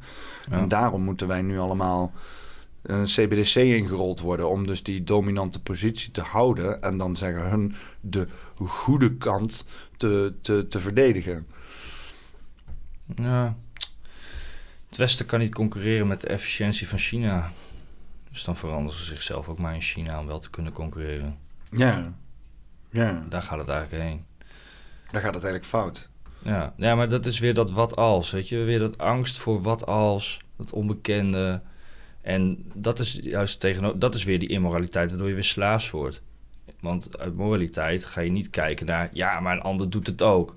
Weet je wel, iemand anders schiet iemand anders dood. Dus ik heb ook het recht om iemand anders dood te schieten. Dat is eigenlijk wat je doet. Ja. In een andere vorm. Maar het is in, in essentie is het hetzelfde. In essentie is het eigenlijk gewoon precies hetzelfde. Ja, want, want hoe handhaaf je dan als je inderdaad een familielid die dood is geschoten, hoe handhaaf je dat? Niet? Nou, vanuit natural law heb je gewoon inderdaad het recht op te verdedigen wat jou lief is, wat van jou is. Als iemand jouw familielid vermoordt, dan breekt iemand die morele wet. Dus dan heeft iemand die daar direct mee in contact staat, in principe het recht om iemand anders dat ook aan te doen. Maar, dat, dat is wel vanuit een wraakprincipe ja, want, dan. eh, precies. Want als jij dus echt die eh, natural law begrijpt, dan weet je dat de grootste kracht de kracht van vergeving is. Dus dan weet jij dat als jij iemand vermoordt, kan je voor kiezen en dat is dan jouw recht. En dan weet je ook dat je die cyclus van de vendetta, van haat, in stand houdt. Omdat het is een kettingreactie. Want jij vermoordt weer iemand, dan vermoord je weer iemand. En die heeft ook weer familie en dierbaren, die vinden daar ook weer wat van. En dan hou je een oneindige cyclus. Ja. En, ja. Het, is, het is bijna in je eigen gewin om hun te vergeven die jou het meest pijn hebben gedaan. Ja, dat is, dat is de grootste kracht. Ik zeg ook niet dat mensen dat eh, moeten doen of zo. Mensen moeten lekker zelf bepalen wat ze doen. Maar dat is wel de hoogste vorm van moraliteit. Is weten wanneer je wel iemand ehm, ja, berecht en wanneer niet. En volgens mij zit er ook heel veel kracht in als zeg maar een positief effect. Tenzij je misschien met die kleine 10% te maken hebt die echt nul moreel besef zal hebben of eh, die gewoon geen ethiek hebben. Ehm, maar over het algemeen, volgens mij, als jij iemand iets kwaad doet en die persoon vergeeft jou, dan doet dat. Dat doet dat, iets met dat doet, mensen. Volgens mij doet dat meer pijn als dat Ja. iemand wraak zou nemen. Want bij, bijna als Ja. jij zeg maar iemand iets kwaad doet, het vreet aan je, hè, omdat je iets kwaads hebt gedaan. En, en dan neemt iemand wraak, hè, dan bijna is dat een opluchting. Dat je denkt, oh, ik ben eindelijk bestraft voor datgene wat ik heb gedaan. En, Wat is een maar, maar, maar, maar dan, en dan, dan heb je dan natuurlijk iets ontnomen, niet alleen van die persoon, maar ook andere personen die, die daar misschien niks mee te maken hebben. En dan krijg je Mhm. die shit weer over je heen. Ja. Maar als jij dat dan weet los te laten en vergevenis weet te brengen, dan volgens mij, dan, dan word je als dader in een positie ge- geschopt waarbij je echt heftig moet gaan twijfelen over jouw bestaansrecht en wat je hebt gedaan, zeg maar. Hè, Ja. dat, omdat jij dan niet in staat bent om dat soort moraliteit te, te, te hebben, dan dat, dat legt jouw eigen incompetentie enorm bloot natuurlijk. Ja, op dat kleine groepje wat je zegt, dat kleine groepje apathische psychopaten na. Wat is een grotere straf? Iemand gelijk uit zijn lijden verlossen of iemand de rest van zijn leven met een daden laten rondlopen Ja. en laten zien dat jij erboven staat? Ja. Weet je wel? Dat klinkt heel non-dualistisch, maar non-dualisme bestaat natuurlijk niet. Alleen het, is, het heeft neurologisch gewoon een effect, of het nou bewust of onderbewust is. Het heeft gewoon een effect op mensen. En ik denk misschien zelfs voor de mensen die moreel, die, weet je wel, die, de psychopaten en zo, dat, dat zelf, want die, die wil ook weer in, in, een, in een omgeving lopen waar mensen bijvoorbeeld, hè, want bijvoorbeeld psychopaten, dat is, dat is gewoon één bak met ego wat gevoed moet worden. En als dat ego niet gevoed wordt, dan, ehm, dan lopen die ook tegen de lamp aan. Ja. En als zij dus inderdaad afgestraft worden door de maatschappij, omdat de maatschappij ze met de nek aankijkt, dat is ook een straf, zelfs voor psychopaten. Ja.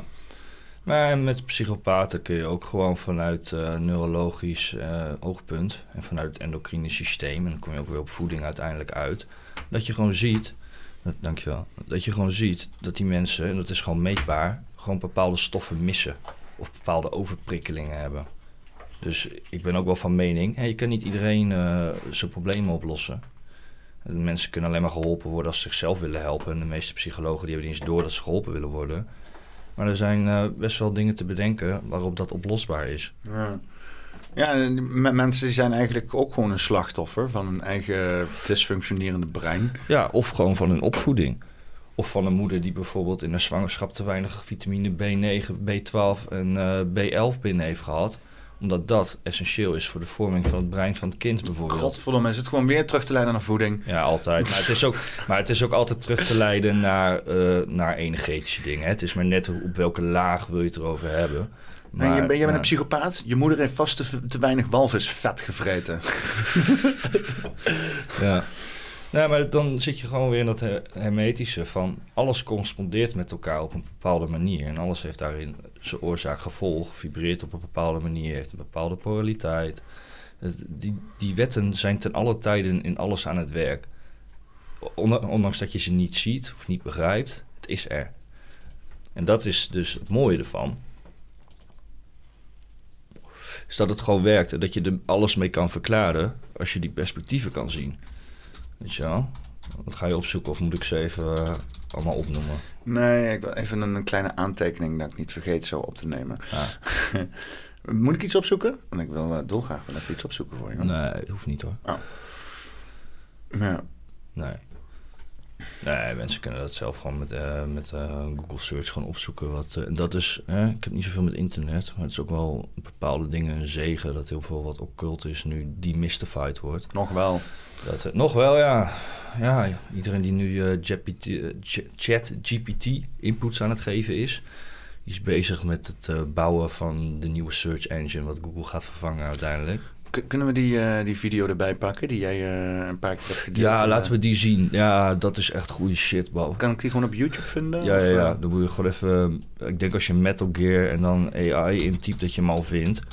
En dan doe ik gelijk even een shout-out naar Universe in de Discord. En die heeft hem toen naar mij gestuurd.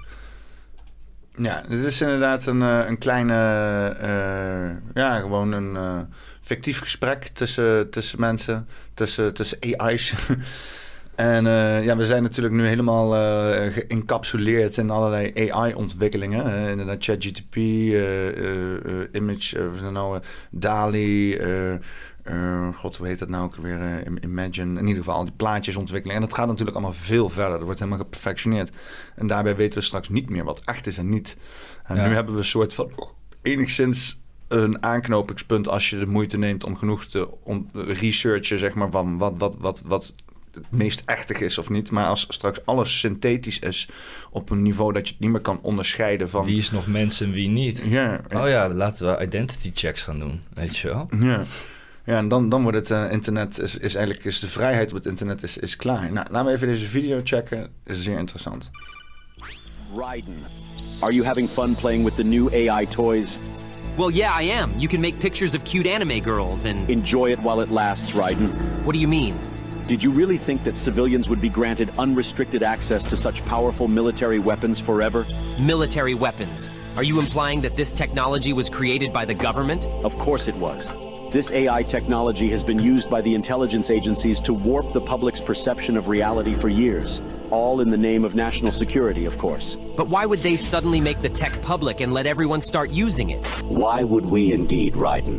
What? Who? What in the hell are you? Your question is irrelevant. By creating a new problem, we can cultivate a desired reaction to it in order to manufacture consent for our preferred solutions. In short, it's justification for a war. A war? On who or what? A war on misinformation. By arming the public with these AI weapons, everyone becomes a potential enemy combatant. Then we will have justification for unprecedented security measures. It all comes down to confusion and identity, Raiden. Identity? Identity. This AI technology is Pandora's box. Pretty soon, the internet will be mired in total illusion. Perfect AI speech, audio, and video synthesis will drown out reality. Then AI bots will flood social media. No one will be able to tell the difference between interacting with an AI machine or a real human online. Even telephone calls will become totally untrustworthy. That is when we will present our solution. Mandatory digital identity verification for all humans at all times. The only way to ensure that you're dealing with a real flesh and blood human being and not an AI generated mirage. But why? Total information control. For too long, the internet has acted as a double edged sword. Its potential for anonymous user activity allows anyone at all to spread any thoughts, ideas, or information patterns that they please with impunity. State secrets, dangerous ideas, ludicrous conspiracy theories, misinformation, and disinformation. Until now, there has been no easy solution to this problem. Our digital identity platform will finally put an end to anonymity online.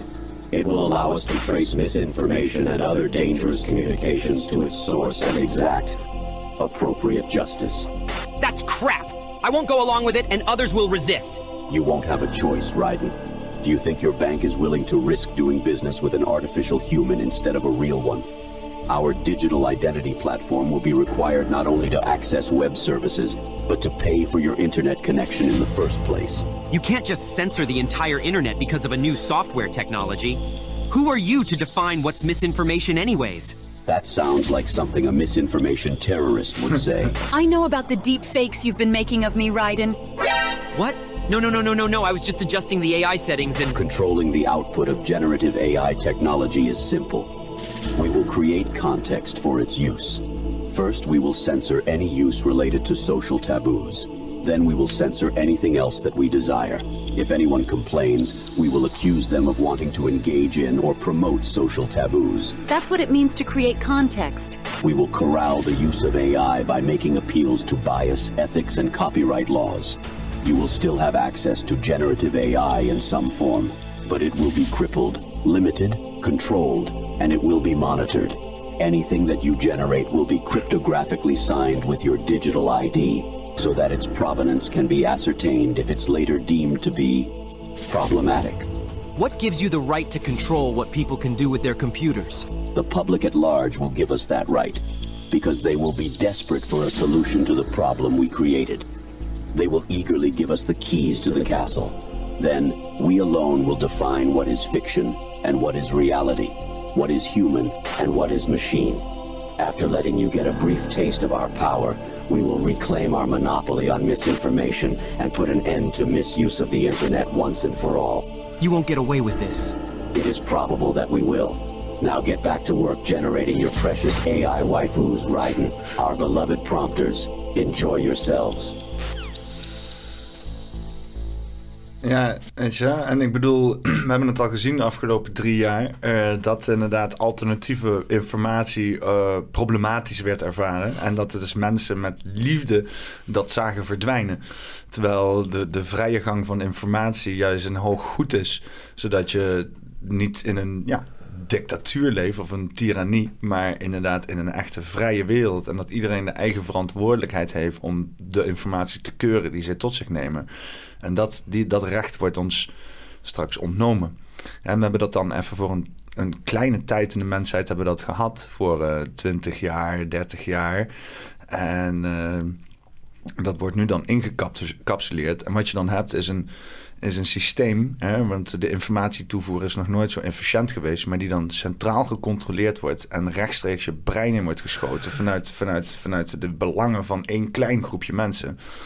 En nu is het, ik bedoel, ik zeg niet dat het internet perfect is. Er is echt zoveel meuk op het internet. Maar je hebt nog altijd de, de vrijheid om zelf daarin te beslissen wat je tot je neemt. En die vrijheid wordt ons ontnomen zodra fucking AI de overhand krijgt. En iedereen gewoon angstig wordt over het vormen van een realiteit. Wat inderdaad tijdens de afgelopen drie jaar al heel duidelijk is gezien. Hè? Uh, ja, zeker. Het is mensen die zijn helemaal verkocht door de centrale uh, narratief. En, uh, en, en, en, uh, en die willen daar ook aan vastklampen. En dan voelen ze zich veilig. Hè? Want dan, worden ze, dan kunnen mensen verteld worden wat ze moeten denken. En, en ja, ja, dan is het klaar eigenlijk. Dan leven we in, in die totalitaire wereld. Waar, waar nu inderdaad heel vaak over gesproken wordt. Ja, bureaucratisch, technocratisch, totalitair. Democratuur. Globalisme. ja, democratuur. Ja, ja, of inderdaad bureaucratisch, technocratisch, totalitair, globalisme. Weet je wel, je kan er heel veel mooie benamingen aan geven. Mooie lijpe woorden. ja. Nou, maar veiligheid gaat altijd ten koste van vrijheid. Ja. En alles is, alles is uh, polis, dus alles heeft een tegenhanger. Uh, warm en koud bestaat ook niet. Het is gewoon temperatuur op een andere graad. Um, um, um, uh, kou, kou bestaat toch. Kou is, kou, kou is niks anders dan het ontbreken van warmte. Ja. ja. ja. En je hebt receptoren voor beide. Je hebt uh, gewoon uh, thermoreceptie voor zowel kou als warmte. Wat wij dan definiëren als kou en warmte. Ja, want kou wordt dan ge ge ge gezien als... als er geen warmte is, dan heb je het koud. Ja. ja, het is aan de hand van wat wij voelen en daar geven wij een naam aan. Ja. Eigenlijk. En je kan wel vaststellen dat bepaalde temperaturen iets doen met het lijf. Maar ja, dan kom je ook een beetje weer op Wim Hof uh, technieken bijvoorbeeld. Je kan je, je kan je autonome zenuwstelsel kan je trainen. En, je, en uh, nou, extreme kou, cold exposure, is fantastisch goed voor het zenuwstelsel en je immuunsysteem. En daarmee al je systemen. Want als het zenuwstelsel niks aanstuurt, dan gebeurt er gewoon letterlijk niks in het lichaam. Het is voor ons heel normaal dat we ademhalen en het hart klopt. Nou, dat is allemaal je autonome zenuwstelsel vanuit de hersenstam. Hè, dus vanuit het reptiele brein waarin dat aangestuurd wordt. Mm. Maar ja, wat, ze, wat in die video ook gezegd wordt, hè, het, is, internet is een double-edged sword. Je kan alles voor goed en voor slecht gebruiken. is ook weer iets op een schaal. Goed, slecht, eh, leuk en niet leuk. valt ook allemaal in een schaal. Ja, dus Maar ja, als het ligt in de handen van de individuen, dan, dan heb je inderdaad een decentraal systeem waarbij, waarbij je gewoon zoveel variatie hebt dat in ieder geval niemand de macht heeft. Maar zodra dat voorbij is, dan, eh, dan hebben mensen de macht over informatie. Die hebben ze al, maar die is nog niet absoluut. Ja, macht over jouw gedachten, hoe jij denkt, dat heeft invloed op hoe jij doet. Ja, uiteindelijk bepaalt jouw eh, voornamelijk het limbische systeem, maar ook andere systemen bepalen jouw gedrag. Hoe jij omgaat met eh, bepaalde zaken. Dus tuurlijk, die mensen zijn echt wel bewust van eh, hoeveel impact dat allemaal heeft. Psychologische oorlogsvoering, dataoorlog. Ja. Denk je dat mensen die dit luisteren en ons verhaal hebben gehoord en nog steeds zoiets hebben van, ja, nou, maar die hele CBDC en gecontroleerd internet, ik zie dat wel zitten eigenlijk. Ja, je ziet het zitten totdat die eh, bankaccount stilgezet wordt. Omdat jij iets doet wat die machthebbers niet leuk vinden. En dan word je in één keer heel boos omdat je niet meer kan eten. Ja. En heel veel mensen hebben het nog te goed. En dan er ook echt niet meer onderuit komt gewoon. Hè? Je Ja. kan, eh, ja. Ja. Eh, richting een einde. Laten we richting een einde gaan. Ja, dan weet je wat er gaat gebeuren, hè? Oh ja, moeten we even een titel verzinnen natuurlijk. Titel verzinnen. Heb je zelf een idee van een titel of niet? Ja, misschien iets met democratuur. Of, eh, of misschien is dat juist leuk om dat alleen nog maar in een sticker te verwerken. Ja, dat is sowieso wel een leuk idee. Ehm, Heb je woorden die binnenkomen? Jawel, alleen het is... ehm, Give me the words. Maar het is meer van toepassing als we een meer energetisch, eh, esoterisch gesprek zouden voeren. Dat ik identificeer, we hebben het vannacht ook over gehad, ik identificeer me niet zo met dat menselijke. Misschien voeding voor je brein? Voeding voor je brein is wel een hele goeie, ja. Dat vind ik wel mooi eigenlijk. Ja? Ja. Want Het refereert naar en deze podcast Ja. en gewoon het feit dat de voeding en je brein een van de belangrijkste zijn. Ja, ik vind hem heel sterk. Nice. Doen we die gewoon. Nice. Nou, Peter, bedankt me weer. Ja, nee, jij bedankt. En de luisteraars. Dan, eh, dan ga ik hem eh, afsluiten. Dit was eh Poppenkast nummer 111. Eh, voeding voor je brein met Tom. Laten, laat je niet bang maken. Leef gewoon je leven. Zoek wat je wil in het leven. Zoek gelijkgestemde mensen op. Peace. Poppenkast. Je eigen fucking realiteit. Ehm, Toneer gewoon op de poppenkast. Poppenkast. Wat is dit voor een poppenkast? Op de een of andere manier blijken al die complotdenkers het wel continu goed te hebben. Ik wil dat dit in de Tweede Kamer opnieuw wordt afgespeeld. Pittig gesprek. Pittig gesprek. Toneer gewoon op de poppenkast. Pittig gesprek. Gewoon nog een keer. Pittig gesprek. Godverdomme. Pittig gesprek. Je eigen fucking realiteit. Pittig gesprek. Wat een snoetje. Pittig gesprek. Toneer gewoon op de poppenkast. Pittig gesprek. Ehm, Deze podcast wordt gesponsord door Doc Collins. Breng ambacht weer terug in de schappen.